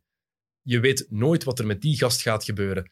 Omdat die effectief, in mijn ogen, als, als, als liefhebber nog eens, ik ben, ik ben niet de grootste NFL-kenner. Ik kijk genoeg wedstrijden in een seizoen. Maar als ik daar naar kijk, er is nooit, ik weet nooit wat er effectief gaat gebeuren. Omdat die gast alles ineens kan. Hij heeft daar ook ja, de perfecte trainer voor natuurlijk. Hij heeft er de perfecte headcoach voor. Tuurlijk. Dat helpt. Eh, Maar hij heeft ook die capaciteit. Ja, zet, daar, zet daar iemand Ja. anders. Maar kijk naar de Super Bowl vorig jaar. Ze staan achter tegen, tegen de Saint, tegen de, de 49ers, San Francisco.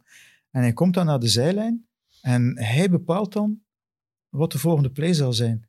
Hij zegt dan aan Eric Bieniemy, de, de offensive coordinator, Ja. en aan Andy Reid, die zijn aan het overleggen, wat zullen we nu doen? En hij zegt, zullen we, ik ben nu de naam van de play vergeten, maar zouden we dat eens niet proberen? Hebben we daar tijd voor? En die twee kijken naar elkaar en zeggen, ja, oké, doe maar. En wat daar dan uit volgt, is dan een, een paas van 44 yards naar Tyreek Hill. En binnen de zes minuten scoren ze drie touchdowns en is de wedstrijd gespeeld. Dat is het kantelmoment. En dat is, dat heb je met weinig andere quarterbacks. Maar het is ook het geluk dat hij inderdaad heeft, zoals Leroy zegt, dat hij in een ploeg zit waar die coaches hem de mogelijkheid geven om die inbreng te doen. Maar is het niet de soort speler die dat sowieso zou afdwingen?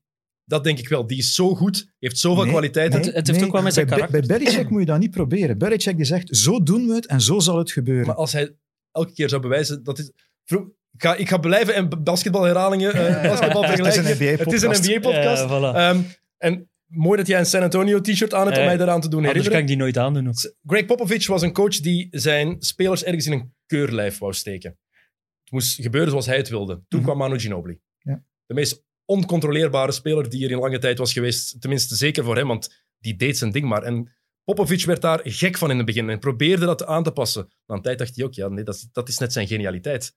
En hoe meer hij hem losliet, hoe meer succes San Antonio had. En ik denk dat dat met Holmes, met Mahomes hetzelfde zou zijn. Na een tijd moet je gewoon toegeven, oké, die gast is gewoon te geniaal. Twee dingen over Mahomes. Je hebt het zelf net aangehaald. Zijn eerste jaar heeft hij niet gespeeld. Zat Wat aan- met veel eerstejaarsspelers is, hè, op die positie. Niet meer. Niet, Niet meer, maar toen, vier Ja. jaar geleden, nog wel meer dan nu. Nee, toen werd er ook al, werden er ook al meteen in geworpen. Hè? Want uiteindelijk... nu. Nu is het meer standaard geworden dan toen. Ga je toch Ja. niet ontkennen dat het nu gemakkelijker is om, een- om een rookie quarterback op te stellen dan vier, vijf jaar geleden? Het is makkelijker, maar of het goed is, dat is een Dat, andere nee, vraag. dat heb ik niet gezegd. Ik heb niet gezegd dat het goed was. Ik heb gezegd dat het gemakkelijker Ja, is en klopt. meer Ja. gebeurt. Klopt, maar toen hadden de Chiefs Alex Smith als quarterback. Alex Smith, die ook Colin Kaepernick opgeleid heeft. Ehm, ondertussen meer bekend om zijn knietje dan het feit dat hij ook een Super Bowl gespeeld heeft. Ehm, dus Mahomes heeft geleerd van Smith. En telkens in dat volgende seizoen, als hij op het veld stond, Smith zat toen in Washington, Leroy, Yes. Uh, maar telkens als hij toen het veld afkwam, is Reed naast hem gaan zitten op de bank. Wat heb je gezien? Waarom heb je dit gedaan? Uh, waarom zou, hoe zou je het anders doen? Dus die is eigenlijk al continu gekneed, gecoacht tot wat hij nu is.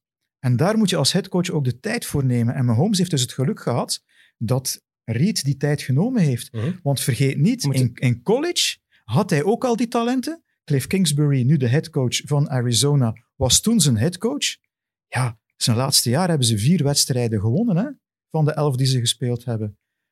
En toen was dat talent er ook al. Het moest nog ontbolsteren en hij heeft het geluk gehad van in dat team terecht te komen, waar ze hem de kans gegeven hebben om te groeien. En ja, Want hij was ook niet de hoogst gedrafte quarterback in, in zijn draft. nee, nee, nee, nee. nee. Ik denk de vierde of de vijfde of zo. Eh, ja, hij is als tiende gekozen en ehm, de Chiefs hebben toen een trade. eh, Dat is de reden Buffalo van zijn nummer ook. Hè? Daarom speelt hij met dat nummer, denk ik. Hè? Omdat hij zo laag gepikt is. Nummer of zo. 15? Daarom? Ah, ja, Nummer 15? eh, ja, het heeft daar iets mee te maken. Ik weet niet precies wat het is, maar het aantal quarterbacks dat, Dat voor hem verhaal ken ik jammer genoeg niet. Misschien heeft iets te maken met van wanneer hij gedraft is. Maar Heeft zijn vader met 15 gespeeld? Ja, ik, ik dacht dat het daar iets mee te maken had met, Ja. met, met de draft. Maar ik Ja. kan missen. Hè. Jij zit de kenner, Jurgen. Hè. Jij- Ja, maar jij moet ons, als wij iets verkeerd zeggen, Jurgen, wij verwachten dat jij ons dat ik jullie verbeter. En hier ga Wij je hebben dus nu af Bowl als een 3 gieter waarschijnlijk. Want, Als tiende gedraft, inderdaad, ja, 2017. als tiende. Ja. En zo, normaal gezien ging eh, Kansas City 27ste kiezen. Maar ze hebben dan de trade eh, gedaan met, eh, met Buffalo, waardoor ze net voor New Orleans gekomen zijn. Want New Orleans die waren ook van plan om hem te draften als opvolger van Breeze. Dus daar ging hij ook sowieso ook goed voor toch als tweede quarterback gekozen. Ja. Mitchell Trubisky was Ja. de, geen, de man voor hem. Ja. En twee plaatsen achter hem was Deshaun Watson. Ah, oké. Om maar even toch de, de, de feiten helemaal juist te hebben. Hè. Ja, nee. Kijk. Maar Nu- Mahomes, Nu Ja. trouwens nog zo'n weetje van Mahomes. De laatste wedstrijd die hij met meer dan één score verloren heeft, was in college. was in college met Texas Tech. Dus je zegt wel, November, november 2016. Het was wel een serieuze nederlaag, 66-10. Maar ik heb nog eens opgezocht in de voorbereiding op deze wedstrijd wat er met de twee quarterbacks gebeurd is die eh, voor Iowa State speelden, de tegenpartij. De eerste, ik ben nu zijn naam kwijt en dat zullen jullie mij moeten vergeven. oh, dat is geen, geen probleem. Ik zal hem hoor. misschien wel vertellen tijdens de Super Bowl zeg als ik maar er de gewoon tijd voor heb. Verzin maar een naam. Die is uiteindelijk in 2018 als undrafted free agent bij Dallas terechtgekomen als linebacker. Niet als Compleet quarterback. andere positie. Ja. Op de verdediging zelfs. En eh, de tweede, die af en toe insprong en die twee touchdown passes gegooid heeft ook in de wedstrijd, die is het, na, het jaar daarna is die afgehaakt. En die is zelfs nooit meer in de NFL terechtgekomen. Dus, ehm, maar ja, maar het- vandaar dat ik zeg, het talent is er, maar je moet het de kans geven om het te laten ontbolsteren. En daar heeft Mahomes echt wel geluk gehad. Geluk dwing je natuurlijk ook af. Ja, oké. Probeer het positief te blijven benaderen ja. natuurlijk, Jurgen. En af en toe helpt- Ik daag en- hem ook maar een beetje en, af en toe helpt het lot een handje en dan kom je bij Brady terecht. Als Bledsoe niet uitvalt met die, die rib die zijn long doorboort, dan krijg je ook de kans niet om Kijk, te spelen. en zo'n blessures hoor je dan ook. Een rib die een long doorboort. American Dat is ook football. met Breeze gebeurd. Ja, ik weet het, seizoen. daarom. Ja, Het is, het is, Die had, die had daar wordt elf ook gewoon ribben mee gebroken, gespeeld. hè. Daar wordt ook gewoon mee doorgespeeld hè, door die mannen. Ja, die had elf ribben gebroken, Ja, het hè, dik on- uiteindelijk. onwaarschijnlijk. Maar dat is iets, zeker om in de gaten te houden, eh, misschien het belangrijkste om in de gaten te houden, denk het ik. voor leukste, net- het makkelijkste om het te volgen ook, denk ik. Ja, de twee quarterbacks. En vooral ook omdat je twee quarterbacks gaat zien met een compleet verschillende stijl. Je hebt Brady, die, logisch, 43 jaar, maar die sowieso statisch meer is en die Mhm. niet meer zo, nooit heel bewegelijk is geweest, maar nu helemaal niet meer. Terwijl je aan de overkant met een gast zit die voor hetzelfde geld op het hoogste niveau had kunnen basketten of baseballen. Die effectief ook gedraft is in de Major League Baseball, Mhm. zoals veel quarterbacks, oké. maar die ook de kwaliteiten daarvoor heeft. Die in high school ook een hele goede basketballer was. een geweldige atleet die dat atletisch vermogen ook wel laat zien tijdens een matchen. En dat is extra leuk voor mij toch, dat je weet van oké, die twee aanvallen, we gaan iets compleet anders zien. Nee, klopt. En eh, ja, waar, waar moet je nog op letten? Voor de rest, ehm, ja, wat je zegt, Mahomes, ja, ik kan het niet vatten in woorden, hè, Mahomes, dat is echt... eh, Je, je hebt gezegd, lopen. je die favoriete heeft ook een blessure, moment. hè, dus echt- die, die, die sukkelt ook wel met zijn teen momenteel. Dat, klinkt heel grappig. Turf toe klinkt dat inderdaad. Dat En is een verrekking van de aanhechtingsspier van de dikke teen naar het plat van de voet. dus ik hoop dat dat hem niet te veel gaat afremmen. Deed het niet in een championship game. Hij heeft ook twee weken rust gehad, rust, relatieve rust gehad. Ja. Ze, hebben daar, ehm, ze steken daar wel een goede spuit in. En En- ook de, de schoen was aangepast. Ja, dat hebben ze laten zien tijdens de uitzending ook. En dat Dus- zal wel ingespoten worden ook, vermoed ik. Ja, sowieso. Ik denk dat dat in, dat is in de States nooit een probleem. ja, het is gewoon zo in de, in de En grote zeker met de belangen die nu op het spel staan. Ja. Het is een Super Bowl, het is niet zomaar een wedstrijdje. Nee. Hè. Ehm, het is, je hebt het al gezegd, Jurgen, en dat zagen we ook. Het is een coronajaar, weten we allemaal. Dus heel wat positieve gevallen geweest, heel wat ploegen geweest die ehm, spelers gemist hebben in het seizoen. Toch krijgen we de twee beste ploegen van het seizoen tegenover elkaar. Over in de long run, als we het in, eh, helemaal bekijken. Ik Ik vind, zie, van, ik zie Leroy nee knikken. ik vind van niet. Oké, wie had je dan hier Ik willen had zien? graag uw ploegje gezien in de finale, hè, de Green Bay Packers. Maar, maar die zijn, ja, defensief zijn die wel echt door de mand gevallen tegen, tegen Ja. Tom Brady. En, eh, Ja, Mike Patton, de defensive coordinator, is ondertussen ook eh, andere orde gaan opzoeken. En ja, de Packers, ja, dat, is, dat, is, dat, is- dat, is een- dat zou een volledige podcast verdienen wat daarmee gaat gebeuren. Maar ehm, maar de Chiefs, ja, dat die de finale gingen halen, dat, dat, dat zeggen we denk ik alle twee al van voorspeeldag 1. mhm. Eh, dat die de, de gedoodverde kandidaat zijn om zichzelf op te volgen. Eh, de Buccaneers, eh, begin in, de, in het begin van de playoffs heb ik wel ingezet op de Buccaneers dat die de Super Bowl gingen halen. Eh, maar die waren voor mij niet, niet de sterkste ploeg. Eh, maar die hebben wel, allee, ja, ze hebben wel alle twijfels achter zich gelaten in die playoffs. Want ja, zoals, zoals Jurgen ook al zei, denk ik, het is niet enkel Brady. Hè. Die defense van, van de Buccaneers eh, heeft zich, eh, die hebben één keer zwaar afgezien, of twee keer zwaar afgezien dit seizoen. Waaronder in, eh, in het reguliere seizoen hebben de twee ook tegen elkaar gespeeld. Ja, daar zijn ze echt kapot gemaakt, de defense eigenlijk, in de eerste In helft. de eerste helft, hè? de eerste helft. En dan hebben ze Het daar eerste, het eerste kwartier vooral. ja, het eerste Ja. kwartier. Was stond die al 17-0 achter of zo. Ja. En dan hebben die... En sindsdien is het enkel ja, stijl naar boven gaan met die ploeg. Dus, dus Ja. het is ook een kwestie van pieken in dat seizoen. Want je hebt... ehm, bijvoorbeeld de Steelers waren zot goed begonnen aan het seizoen. Hadden ook wel een, een schema dat gunstig was. Maar die, die waren op weg naar een ongeslagen seizoen.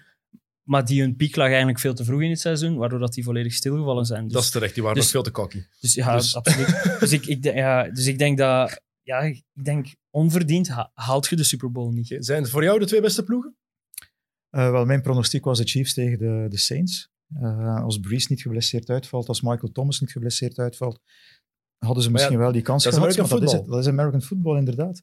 Ehm, maar ja, ik, ik schatte eigenlijk de Packers ook wat hoger in dan, dan de Buccaneers.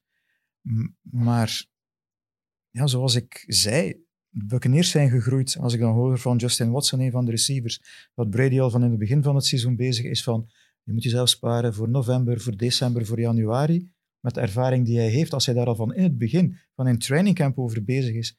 En ja, hij is als eerste, komt hij binnen ehm, in de meetings met een notablokje. Ehm, als laatste gaat hij buiten. Ehm, hij mag nu ook lesgeven. Hij mag als teacher optreden, wat hij niet mocht in New England. Dus al die jonge spelers, er zijn er trouwens elf die minder dan vijf jaar in de NFL spelen in die kern.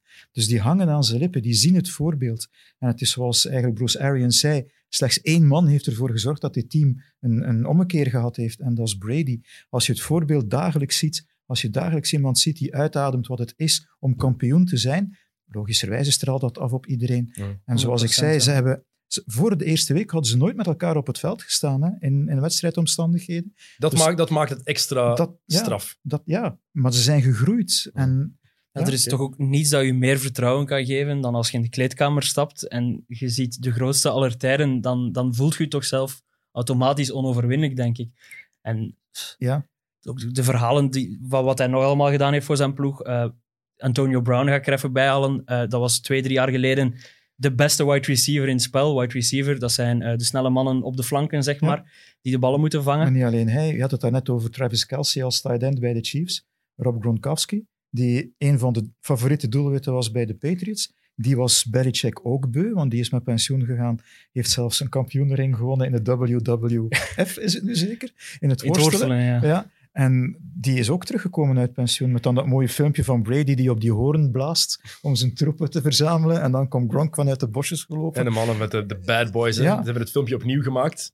Voor, eh, vorige week, Ja. toen ze zich geplaatst hadden voor de Super Bowl. Het filmpje Ja, dat ze een paar jaar geleden hadden gemaakt nadat ze de titel hadden gewonnen. Ja, dat is, Ja. heeft wel wat spelers die eigenlijk afgeschreven, slash gestopt waren. Ja. Heeft die, Antonio Brown heeft die zelf half in huis genomen, zeg maar. eh, want Ja. die was wat gek gekomen eh, de afgelopen jaren. Misschien iets te veel tackles tegen zijn hoofd gehad. Nee, waarschijnlijk Ehm. die ene zware overtreding van Vontaze Perfect van de, van de Bengals Ja. in de playoffs die hem met zijn hoofd tegen de grond geknald. Maar Ja. los daarvan, je hebt nu al een paar namen genoemd. En dat is eh, niet om, want het is ook leuk om te weten wie we nog in de gaten moeten houden, natuurlijk. Hè. Eh, want ik heb nog een paar weetjes opgeschreven, dat is voor zo meteen. Maar ik vind het leuk om het even te hebben over welke spelers we nog in de gaten moeten houden. Je zegt Antonio Brown. Ehm, je hebt, dat, dat is bij de Bucks. Je hebt eh, Tyreek Hill aan de overkant bij de Chiefs. Het zijn twee mannen die eigenlijk, hoe moet ik het zeggen, wel wat op hun kerfstok hebben, om het zo te zeggen.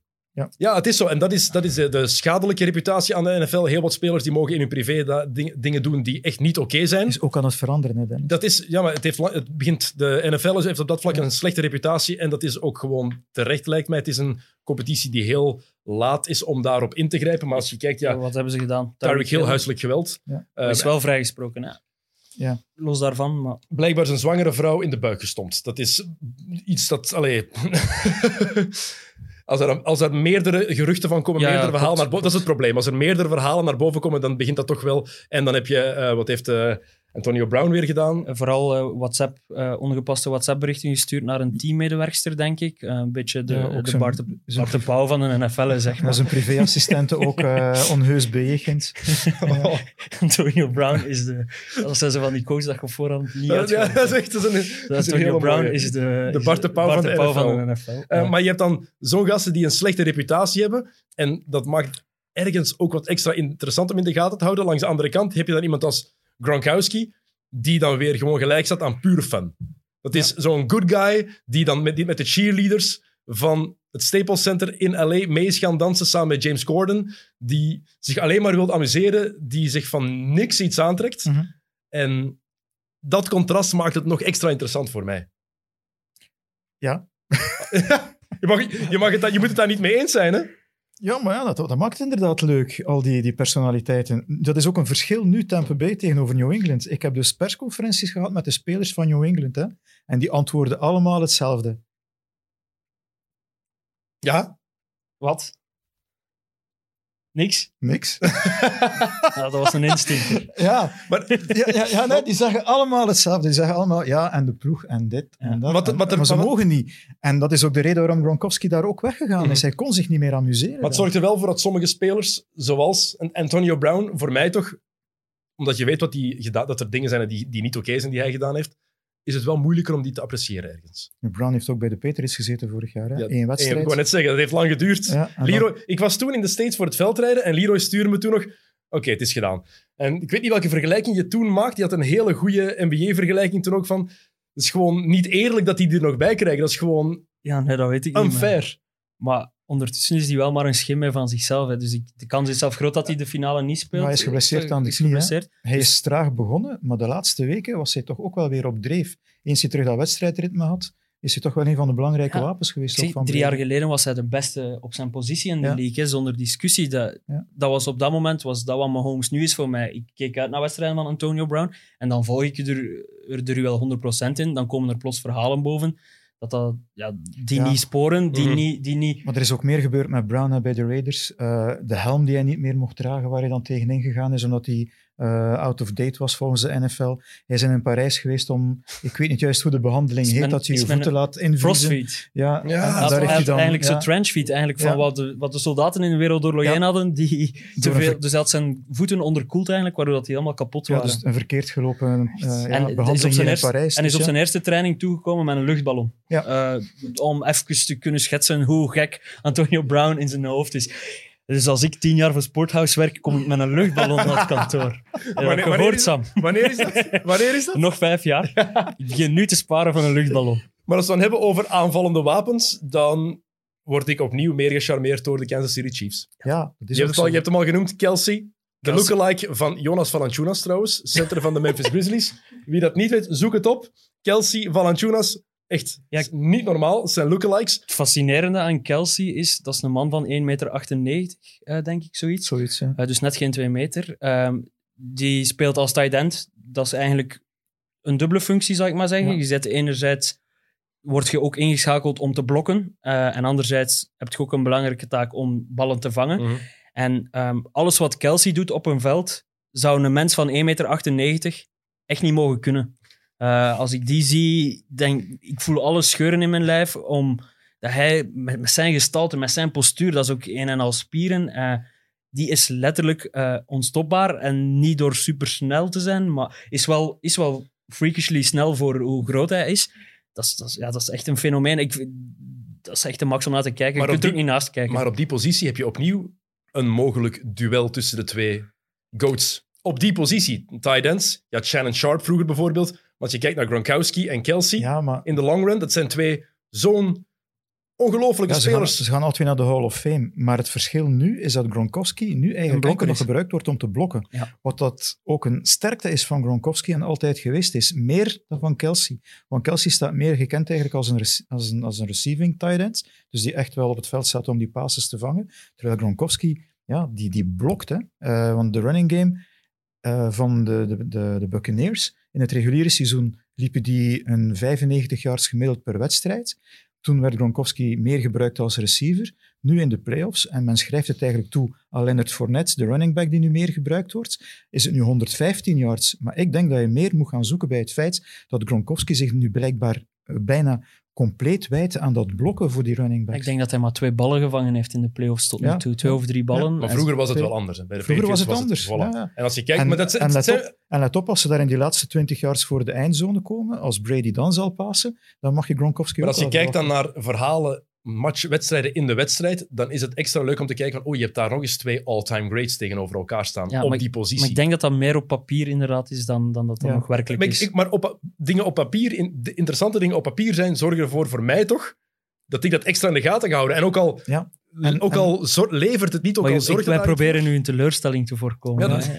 En, en Want je gaat. Gronkowski... Gaat, Laat me toch, laat me toch maar je mocht wat zijn. dromen, maar ik wil niet dat Nee, jij zondag sip zit omdat Gronkowski Leroy, geen al- ballen vangt. Als, als Gronkowski zich getoond heeft in de playoffs, was het voor 30 yards en 40 Ja, ja, jaar dat, dat hij een paas oké, gevangen dus heeft. Eén en keer eens, gaat en eens hij op snelheid die bal vangt, is hij ook niet makkelijk neer te halen. Ook door zijn gestalte en zijn gewicht. We sturen dan nog bij over tijdens de match. Wie moeten we nog in de gaten houden, Leroy? Tyreek Hill, ondanks zijn verhalen, is dat denk ik, na de twee quarterbacks, is dat denk ik voor, voor mensen die het casual volgen, de meest opvallende figuur zal hij zijn tijdens de, tijdens de finale. Zijn bijnaam is Cheetah.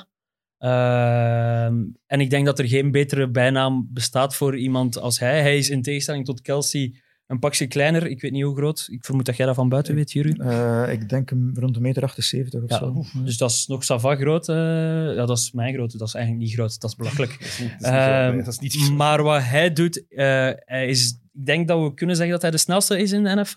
Ja, Eh, ik weet niet, meter zwart op 78 exact. Oei.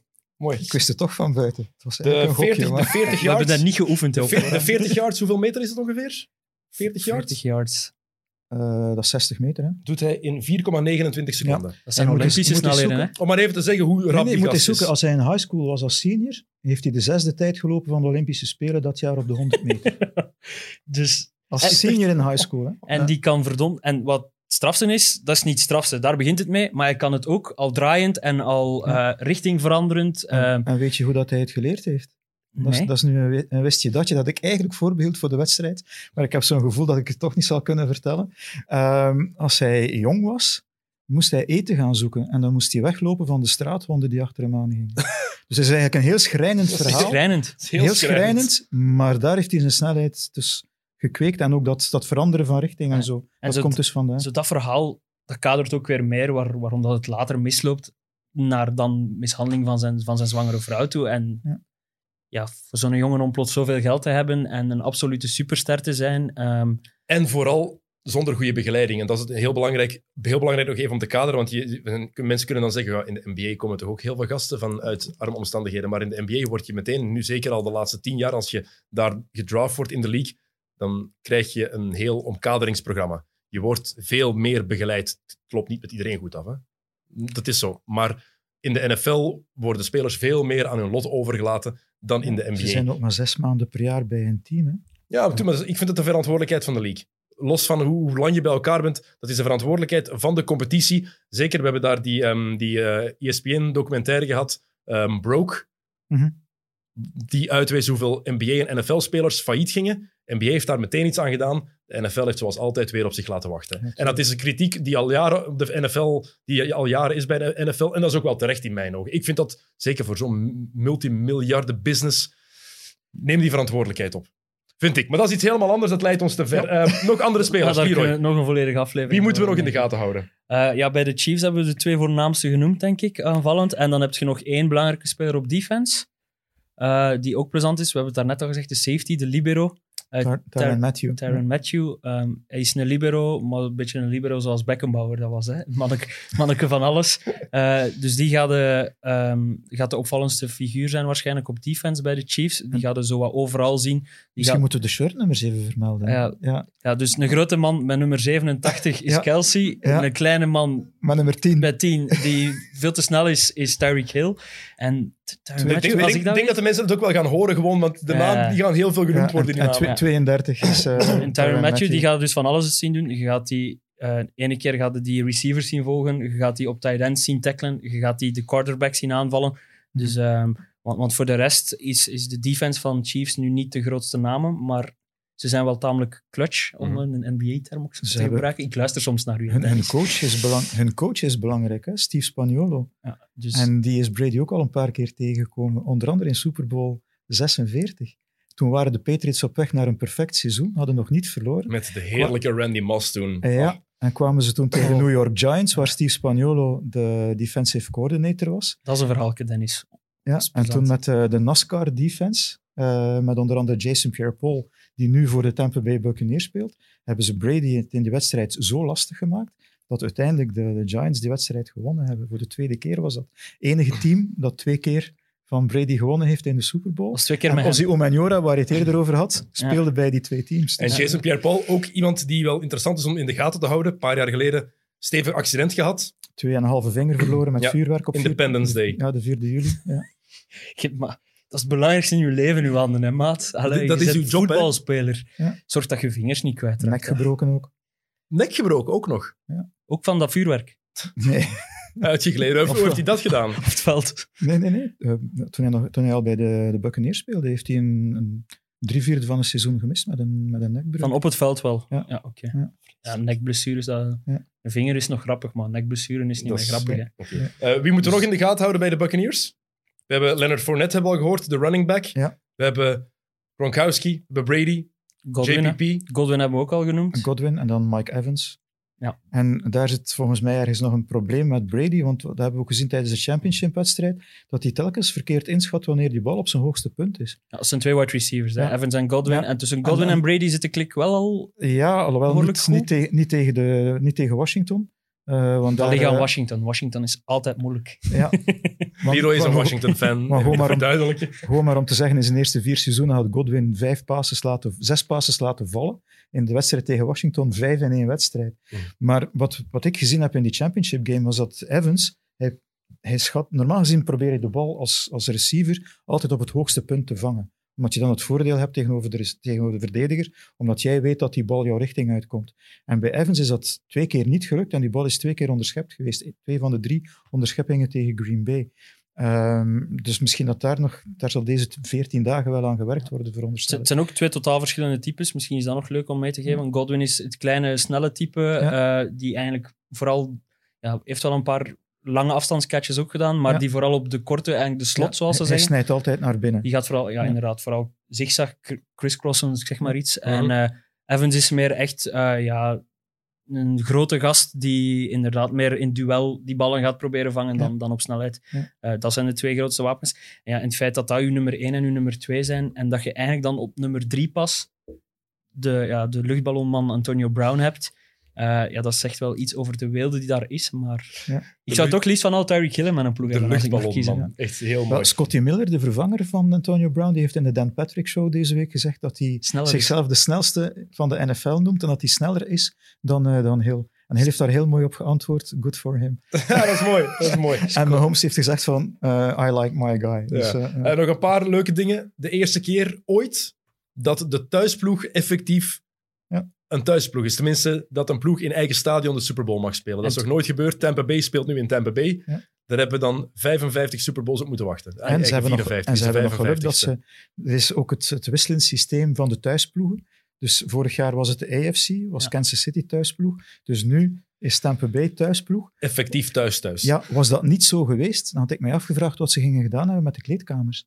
En toch nog niet uitverkocht, hè? Uitverkocht, ja.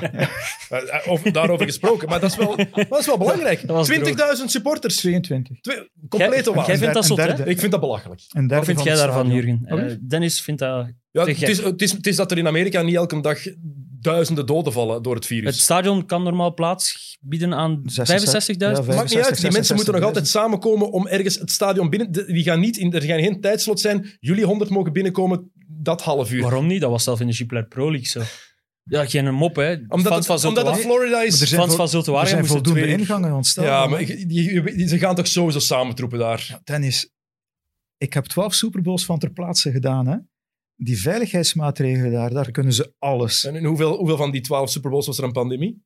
Ja, geen enkele. Ah, wel, dat is het Maar hele bedoel- punt. maar Maar, nee, dat is het hele nee, punt. maar ik bedoel al, het Niet feit hoe daar, alles, hoe daar alles geregeld Tuurlijk was. wel. Maar twee, eh, Hoe voor- daar alles geregeld de- was, van derde- wie waar naartoe mag. Maar en een derde van het stadion Ja. vind ik ontzettend veel. Wat ik wel mooi vind, is die 7500 zorgverleners die al gevaccineerd zijn, die daar naartoe mogen. Ja, dat kunnen ze wel in de States, hè. Iets dat Alles misschien discutabel Alles is. betaald. Ik vind- mooi alles alles, is gewoon- alles betaald dat tussen 22 haakjes. ja, tuurlijk, maar 22.000 is gewoon veel. Ja. Dat is gewoon losstaand. Nog eens, ik, ben, ik heb het hier al genoeg gezegd, ik ben geen viroloog, ik kan niet doen alsof ik daar iets van weet. Ik denk gewoon, nuchter nadenken, het lijkt een beetje gevaarlijk. Ja, eerste thuiswedstrijd van de Buccaneers, geen publiek. Tweede, 6000. En van dan af tussen de 15 en de 16.000. Ja. Dus ze kennen het systeem, ze weten hoe ze de mensen moeten leiden en dergelijke meer. Ik weet ook niet hoeveel van die 15, 16.000 telkens weer gekomen zijn. Dat Kijk, ik- voilà. ik maar, dus ik- maar dat is... Ja, Maar kijk. ja, ja, ja, ja. Maar inderdaad, dus van die 22.000 mogen er nog eens... Ik, ben, blij dat, ik ben blij dat er fans zijn. ik vind het... Maar, ik, En als zij zelf dat risico willen lopen, mogen zij van maar je weet waarom ik dat zeg, Leroy. Ik Ja, ja, I know, I know, Ja. I know. Als, als je daar gewoon nuchter over nadenkt, dan denk je, het is toch gewoon gevaarlijk. Lijkt mij logisch dan. Maar zwart, en nog eens, wij, wij kennen hier allemaal niks van, Nee, van voilà, virussen dus en zo. Wij, re- wij- ik reken ook alleen maar op wat ik allemaal lees Laat- en meepik. En Laat ons hopen dat verstandige mensen zijn die dat voilà, beslist hebben. Exact. Het mooie daaraan is, van die 22.000, wat jij zei, Jurgen, 7.500 daarvan mogen gratis gaan zien. En, En- dat is het mooie daaraan. Niet alleen gratis de wedstrijd, alles wordt betaald door de NFL. Ook een overnachting, de vluchten er naartoe. Want, want, ja, want ieder, ieder NFL-team, dus de 30 anderen, die hebben ook vier mensen mogen aanduiden die op kosten van de NFL er naartoe gaan. Oké. En de merendeel komt natuurlijk uit Centraal Florida en de regio van Misschien- Tampa, maar ieder team heeft ook... eh, Een ticket kopen sturen. als je wel... Misschien kunnen we dat in België doen met de Crocky Cup finale. De Crocky Cup. ik blijf het een gemiste kans vinden. Vroeger, toen wij die rechten hadden, Ja. ehm, wij omkaderden dat in de studio. En Nooit de chips kro- op tafel. Die, Nooit chip, die chips? tafel moest vol met chips liggen. Ja. Dat heet de Crocky Cup. Ja. Kom op, dat is ook het minste wat je moest Ja. doen. Zo telkens... Ja, voilà, exact. Zo, zo. Als er een bumper was. Ehm, als, je een ticket als je een ticket toch had willen kopen, eh, ben je minstens 30.000 dollar kwijt. 30.000. Raja Bell eh, heeft nu een podcast bij The Ringer, eh, ex-NBA-speler van onder andere Phoenix van Utah. Hij wou dat doen en toen zei hij van ja, we wilden voor vier man, maar we waren minstens 120.000 dollar dan kwijt. Dus we hebben het maar gel- gelaten. maar is dat dan, is 30.000. dat dan geen suite? Nee, de, Nee, de mogelijkheid blijkt. Hij zei van het minimum, het goedkoopste ticket dat je nog kon vinden. Dat de goedkoopste hebben ze gratis weggegeven, hè, Jurgen? Ja, Die zijn op, hè. dat zijn De nosebleeds. 7500 van de ik, heb- ik goedkoopste. heb al gelezen dat op de, de tweedehandsmarkt dat je nu al aan 6000 eh, dollar, Toch? 6800 Ja, mensen een hebben de ticket veilig... kan kopen, maar wel helemaal boven in de hoek van het stadion. Maar goed, je bent erbij natuurlijk. Maar Ja, het is je wel, bent er. Maar het is wel veel geld. Ja, het is onwaarschijnlijk, onwaarschijnlijk. Ehm, de Weekend gaat optreden Ja. tijdens de halftime show. Investeert zelf meer dan 5 miljoen euro. Hè? om die show effectief te maken wat hij ervan wil. Ja.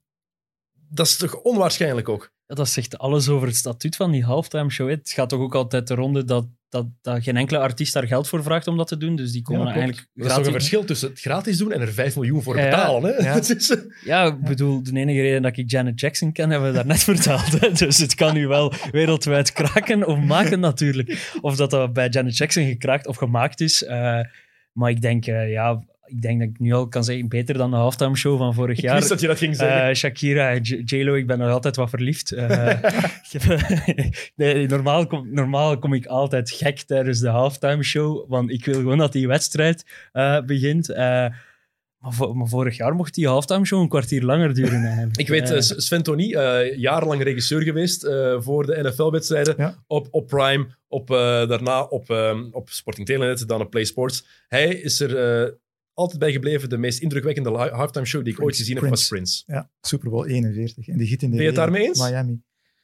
Eh, jij hebt nu al zoveel Super Bowls gedaan. Je hebt er ook veel... Ja, in het was, stadion ik, ik was er gezien? toen ook bij. En wat Ja? mij het meest bijblijft van die show, die inderdaad wel goed was, omdat hij ook ehm, een, eh, de best of you van, eh, eh, van, van Dave Grohl Ja. daar ook opgevoerd heeft. Maar wat mij het meeste bijblijft, is dat toen... Dat was een, een heel hoog laken dat de lucht ingeblazen werd. Hij zag de, de schaduw van Prince. En dan had hij zo een, een gitaar in een bepaalde vorm. Ja, En dan stond hij daar eigenlijk net alsof hij...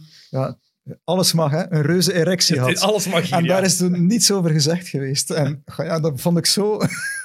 maar, dat, maar het was inderdaad wel een goede show. Maar die die mij het meeste bijblijft, is die eh, Super Bowl eh, 31 was dat, in New Orleans. Dat was de tweede die ik deed. En dat was een halftime show met de Blues Brothers, eh, met James Brown en met ZZ Top. Oh. En daar, kwam dan, eh, en, en daar kwamen dan Harley Davidsons binnengereden. Dus de auto van ZZ Top, die kwam binnengereden. En die werd gevolgd door Was Harley? Davidsons. En eigenlijk heel het veld waren allemaal Harley Davidsons die rondreden terwijl ze aan het optreden waren. Ik denk dat je even moet uitleggen aan Leroy. Wie is ZZ Top? ZZ Top? Ja, ja, ik, Oei. ik ken enkel Premier League, NFL en zo wat drum and bass en Hans Zimmer. Oké, wat ZZ Top? Dus van Give Me All Your Lovin', Ah, oké. eh, Sharp Dressed. Zie, Man. dat heb ik gewoon nodig. Ja, Give me, give me all your love. All Your Hugs and Kisses Too. Voilà, wij dat- zingen ook En, en James Brown die stond toen op te treden op een schaarlift. En hij was dus aan het dansen en die schaarlift die ging heen en weer. dat ik mijn hart vasthield dat hij niet ging omvervallen. Is uiteindelijk niet gebeurd, maar dat was echt wel... Ja, die blijft mij ook wel bij. Ik ben even eh, aan het kijken wie dat er nog allemaal geweest is de laatste jaren. dacht- dacht Super dat- Bowl. Ik dacht dat je weer Shakira aan het opzoeken was. Nee, eh, ik ben aan het kijken. Ik weet ik het mijn grootste teleurstelling was. Ooit, Super Bowl halftime show. Maroon 5. Ja, ja, wat was ja, dat? dat waarom- was, ja, dat was in... in- Coldplay een paar jaar daarvoor. Ik vind... ja, dat was ook Dat was met zo, eh, de Chili Peppers samen. Nee. ehm, is Beyoncé toen niet even komen optreden met, Coldplay ook? Ja, ik weet het niet. Beyoncé heeft toen het volkslied Meestal, gezongen, dat is ik. meestal plaspauze, hè, de halftime show. Maar ik heb de Rolling Want Stones... Jonas zit Ik daar heb de Rolling Stones daar live gezien. Ik heb Tom Petty live gezien als halftime show. Onze opnameleider Jonas moet dringend naar de wc. Ze moeten hier zo meteen af beginnen ronden. Ehm, maar je, hebt- je, ja, je, hebt, je hebt er, je hebt er heel de- wat de, grote de- artiesten. de maar, wat Rolling daar- Stones. eh, maar het is Tom eindelijk Petty. nu- Ja. eindelijk, The Weeknd past veel meer bij wat, waar de spelers van de NFL voor staan. Het hoort veel meer bij de cultuur dan wat ze de afgelopen jaren daar Maar hebben Bruno gedaan. Mars en de Red Hot Chili, Chili Peppers. Ah, dat was waren de combinatie. Chili Peppers, welke speler heeft er nog iets met de Chili Peppers? Ja, oké. Vorig jaar, wat het was in Atlanta, twee jaar geleden. Een paar van die white Ja, guy blokkers. Je kon daar Travis Scott, Outkast, je kon daar zoveel Migos, je kon daar zoveel Ja, ja, dingen mee doen. ja. Je ziet Dennis Maar best. toen lag het gevoelig om op te treden met de Niels en, en ja, met Trump die daar toen... eh, de Niels, dat is niet de stadsbouder, hè? de Niels- Sorry, ik hoorde de Niels. met het, het knielen tijdens het volkslied, Leroy. Ah ja, de Niels, zo. Die Niels, ja.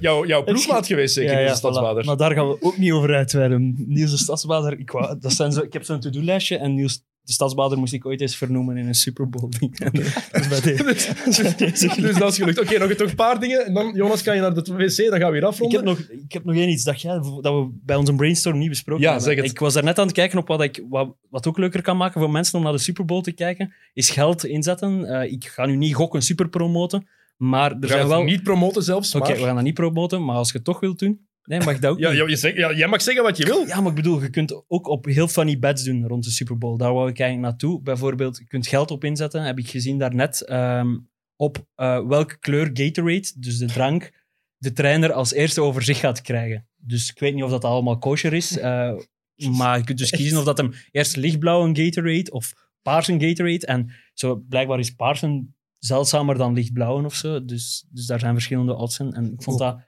wou dat meegeven dat dat zo wel- Amerikaans. een Ook, ook de, de wetenschap is. coin toss, de lengte van het volkslied. Je kan Lang- letterlijk, langer, langer of korter dan twee Het minuten. eerste kan- liedje van de weekend. je kan letterlijk op alles, op alles wedden eigenlijk. Daar is Schandalig een deels. beetje marginaal. Als we heel eerlijk zijn, op, als je kijkt op wat je kan wedden, het, is, het gaat er een beetje over. Als je voor Krokkie zou gokken, dan... Ik zou niet gokken, ik, wil gewoon, ik wou gewoon die chips op tafel hebben. Ja, dat is wel, simpel. dat zou, ja, dat zou- Ehm, reclamespots, hoeveel kosten ze dit keer? Maar kosten? Eh, geen flauw idee. Vorig jaar was het 7 miljoen, denk ik, of zoiets. Nu, ik weet nog, ehm, ik heb, welke Super Bowl was het? Eh, in Los Angeles, denk ik. Ehm, dus de Rose Bowl. Eh, het stadion zelf had 500.000 dollar gekost om het te bouwen in de jaren 20, 30. En toen was het evenveel voor een, eh, voor een spotje. Maar ondertussen is het nog meer de pan uit. Wa- eh, waar we wel van uit kunnen gaan, waar je wel op kan wedden, is dat de ehm, nieuwszenders in Vlaanderen, dat zij 85% van hun berichtgeving over, over de Super Bowl, dat het zal gaan over de commercials en over de halftime show.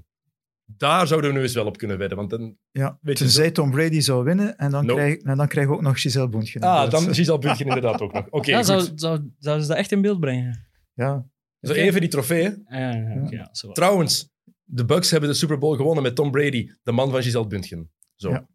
Als laatste zin. ik Dat ook ook- nog een. Die verdient ook het geld in thuis, laat ons eerlijk zijn. Ik heb ook nog tien minuten op mijn licht moeten wachten omdat Giselle vooraan kreeg. Terecht. Ja, Terecht. Ja. terecht. Ja. Oké, goed. Eh, Jurgen, bedankt. Leroy, bedankt. Wanneer is de Super Bowl precies? Zondagnacht, maar het begint om... Eh, we- onze voorbeschouwing op eh Eleven Sports die begint om eh 11 uur 30 en dan de uitzending die begint om middernacht. Voilà, dus. En de kick-off die is om 12 uur 30. Zo. Ik, ik zou dit graag nog even rekken om wel Jonas te plagen, want het is echt... Het is een heel mooi zicht om te zien hoe die daar zijn ik, ga, benen... ik ga het kort houden voor de mensen die meer, eh, super, ah, die meer rond de NFL willen volgen. Er zijn wel wat leuke initiatieven in België. Ehm, er is enerzijds de Facebookpagina van Eleven Sports, waar wel eh, al de leukste dingen op verschijnen. En je hebt ook eh, een En waar ook vragen kunnen gesteld worden vragen tijdens kunnen gesteld worden tijdens de Super Bowl. Dat is heel interessant voor mensen die voor het eerst kijken.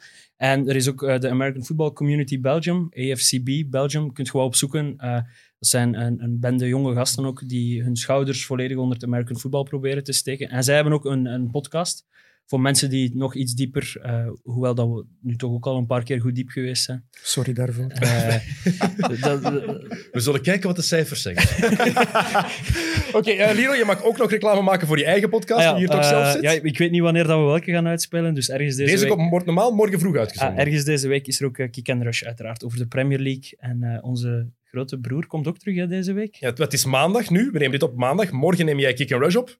Merci voor de planning. Ja, Kijk, dinsdag neem je altijd op. Is het Klopt. gewoon met eh, Jelle en met Tim? Ja, met Jelle en Tim. Oké, en donderdag is Mit Mit inderdaad terug. Ehm, niet alleen meer hier, op dit kanaal, maar ook op PlaySports. Sam en Evert gaan naar de big boys. Straf. Ja, kijk. Sommige mensen verlaten ons ineens. Oké, eh, en wij zijn hopelijk volgende week terug. Ehm, waarover, dat weet ik nog niet. Maar we komen binnenkort terug. En binnen anderhalve week is Young Mavu, eh, rapper, binnen twee weken zit hij ook in XNO's om over de NBA te komen praten. Hij zat al in voet vooruit vorige week, dus daar kan je die misschien ook van kennen. En ja, ik ga niet zeggen van welk lied we hem kennen, want dat hoort hij zelf niet zo graag meer. Goed, bedankt voor het kijken en luisteren. En tot de volgende keer. En Jonas, je kan gaan pissen.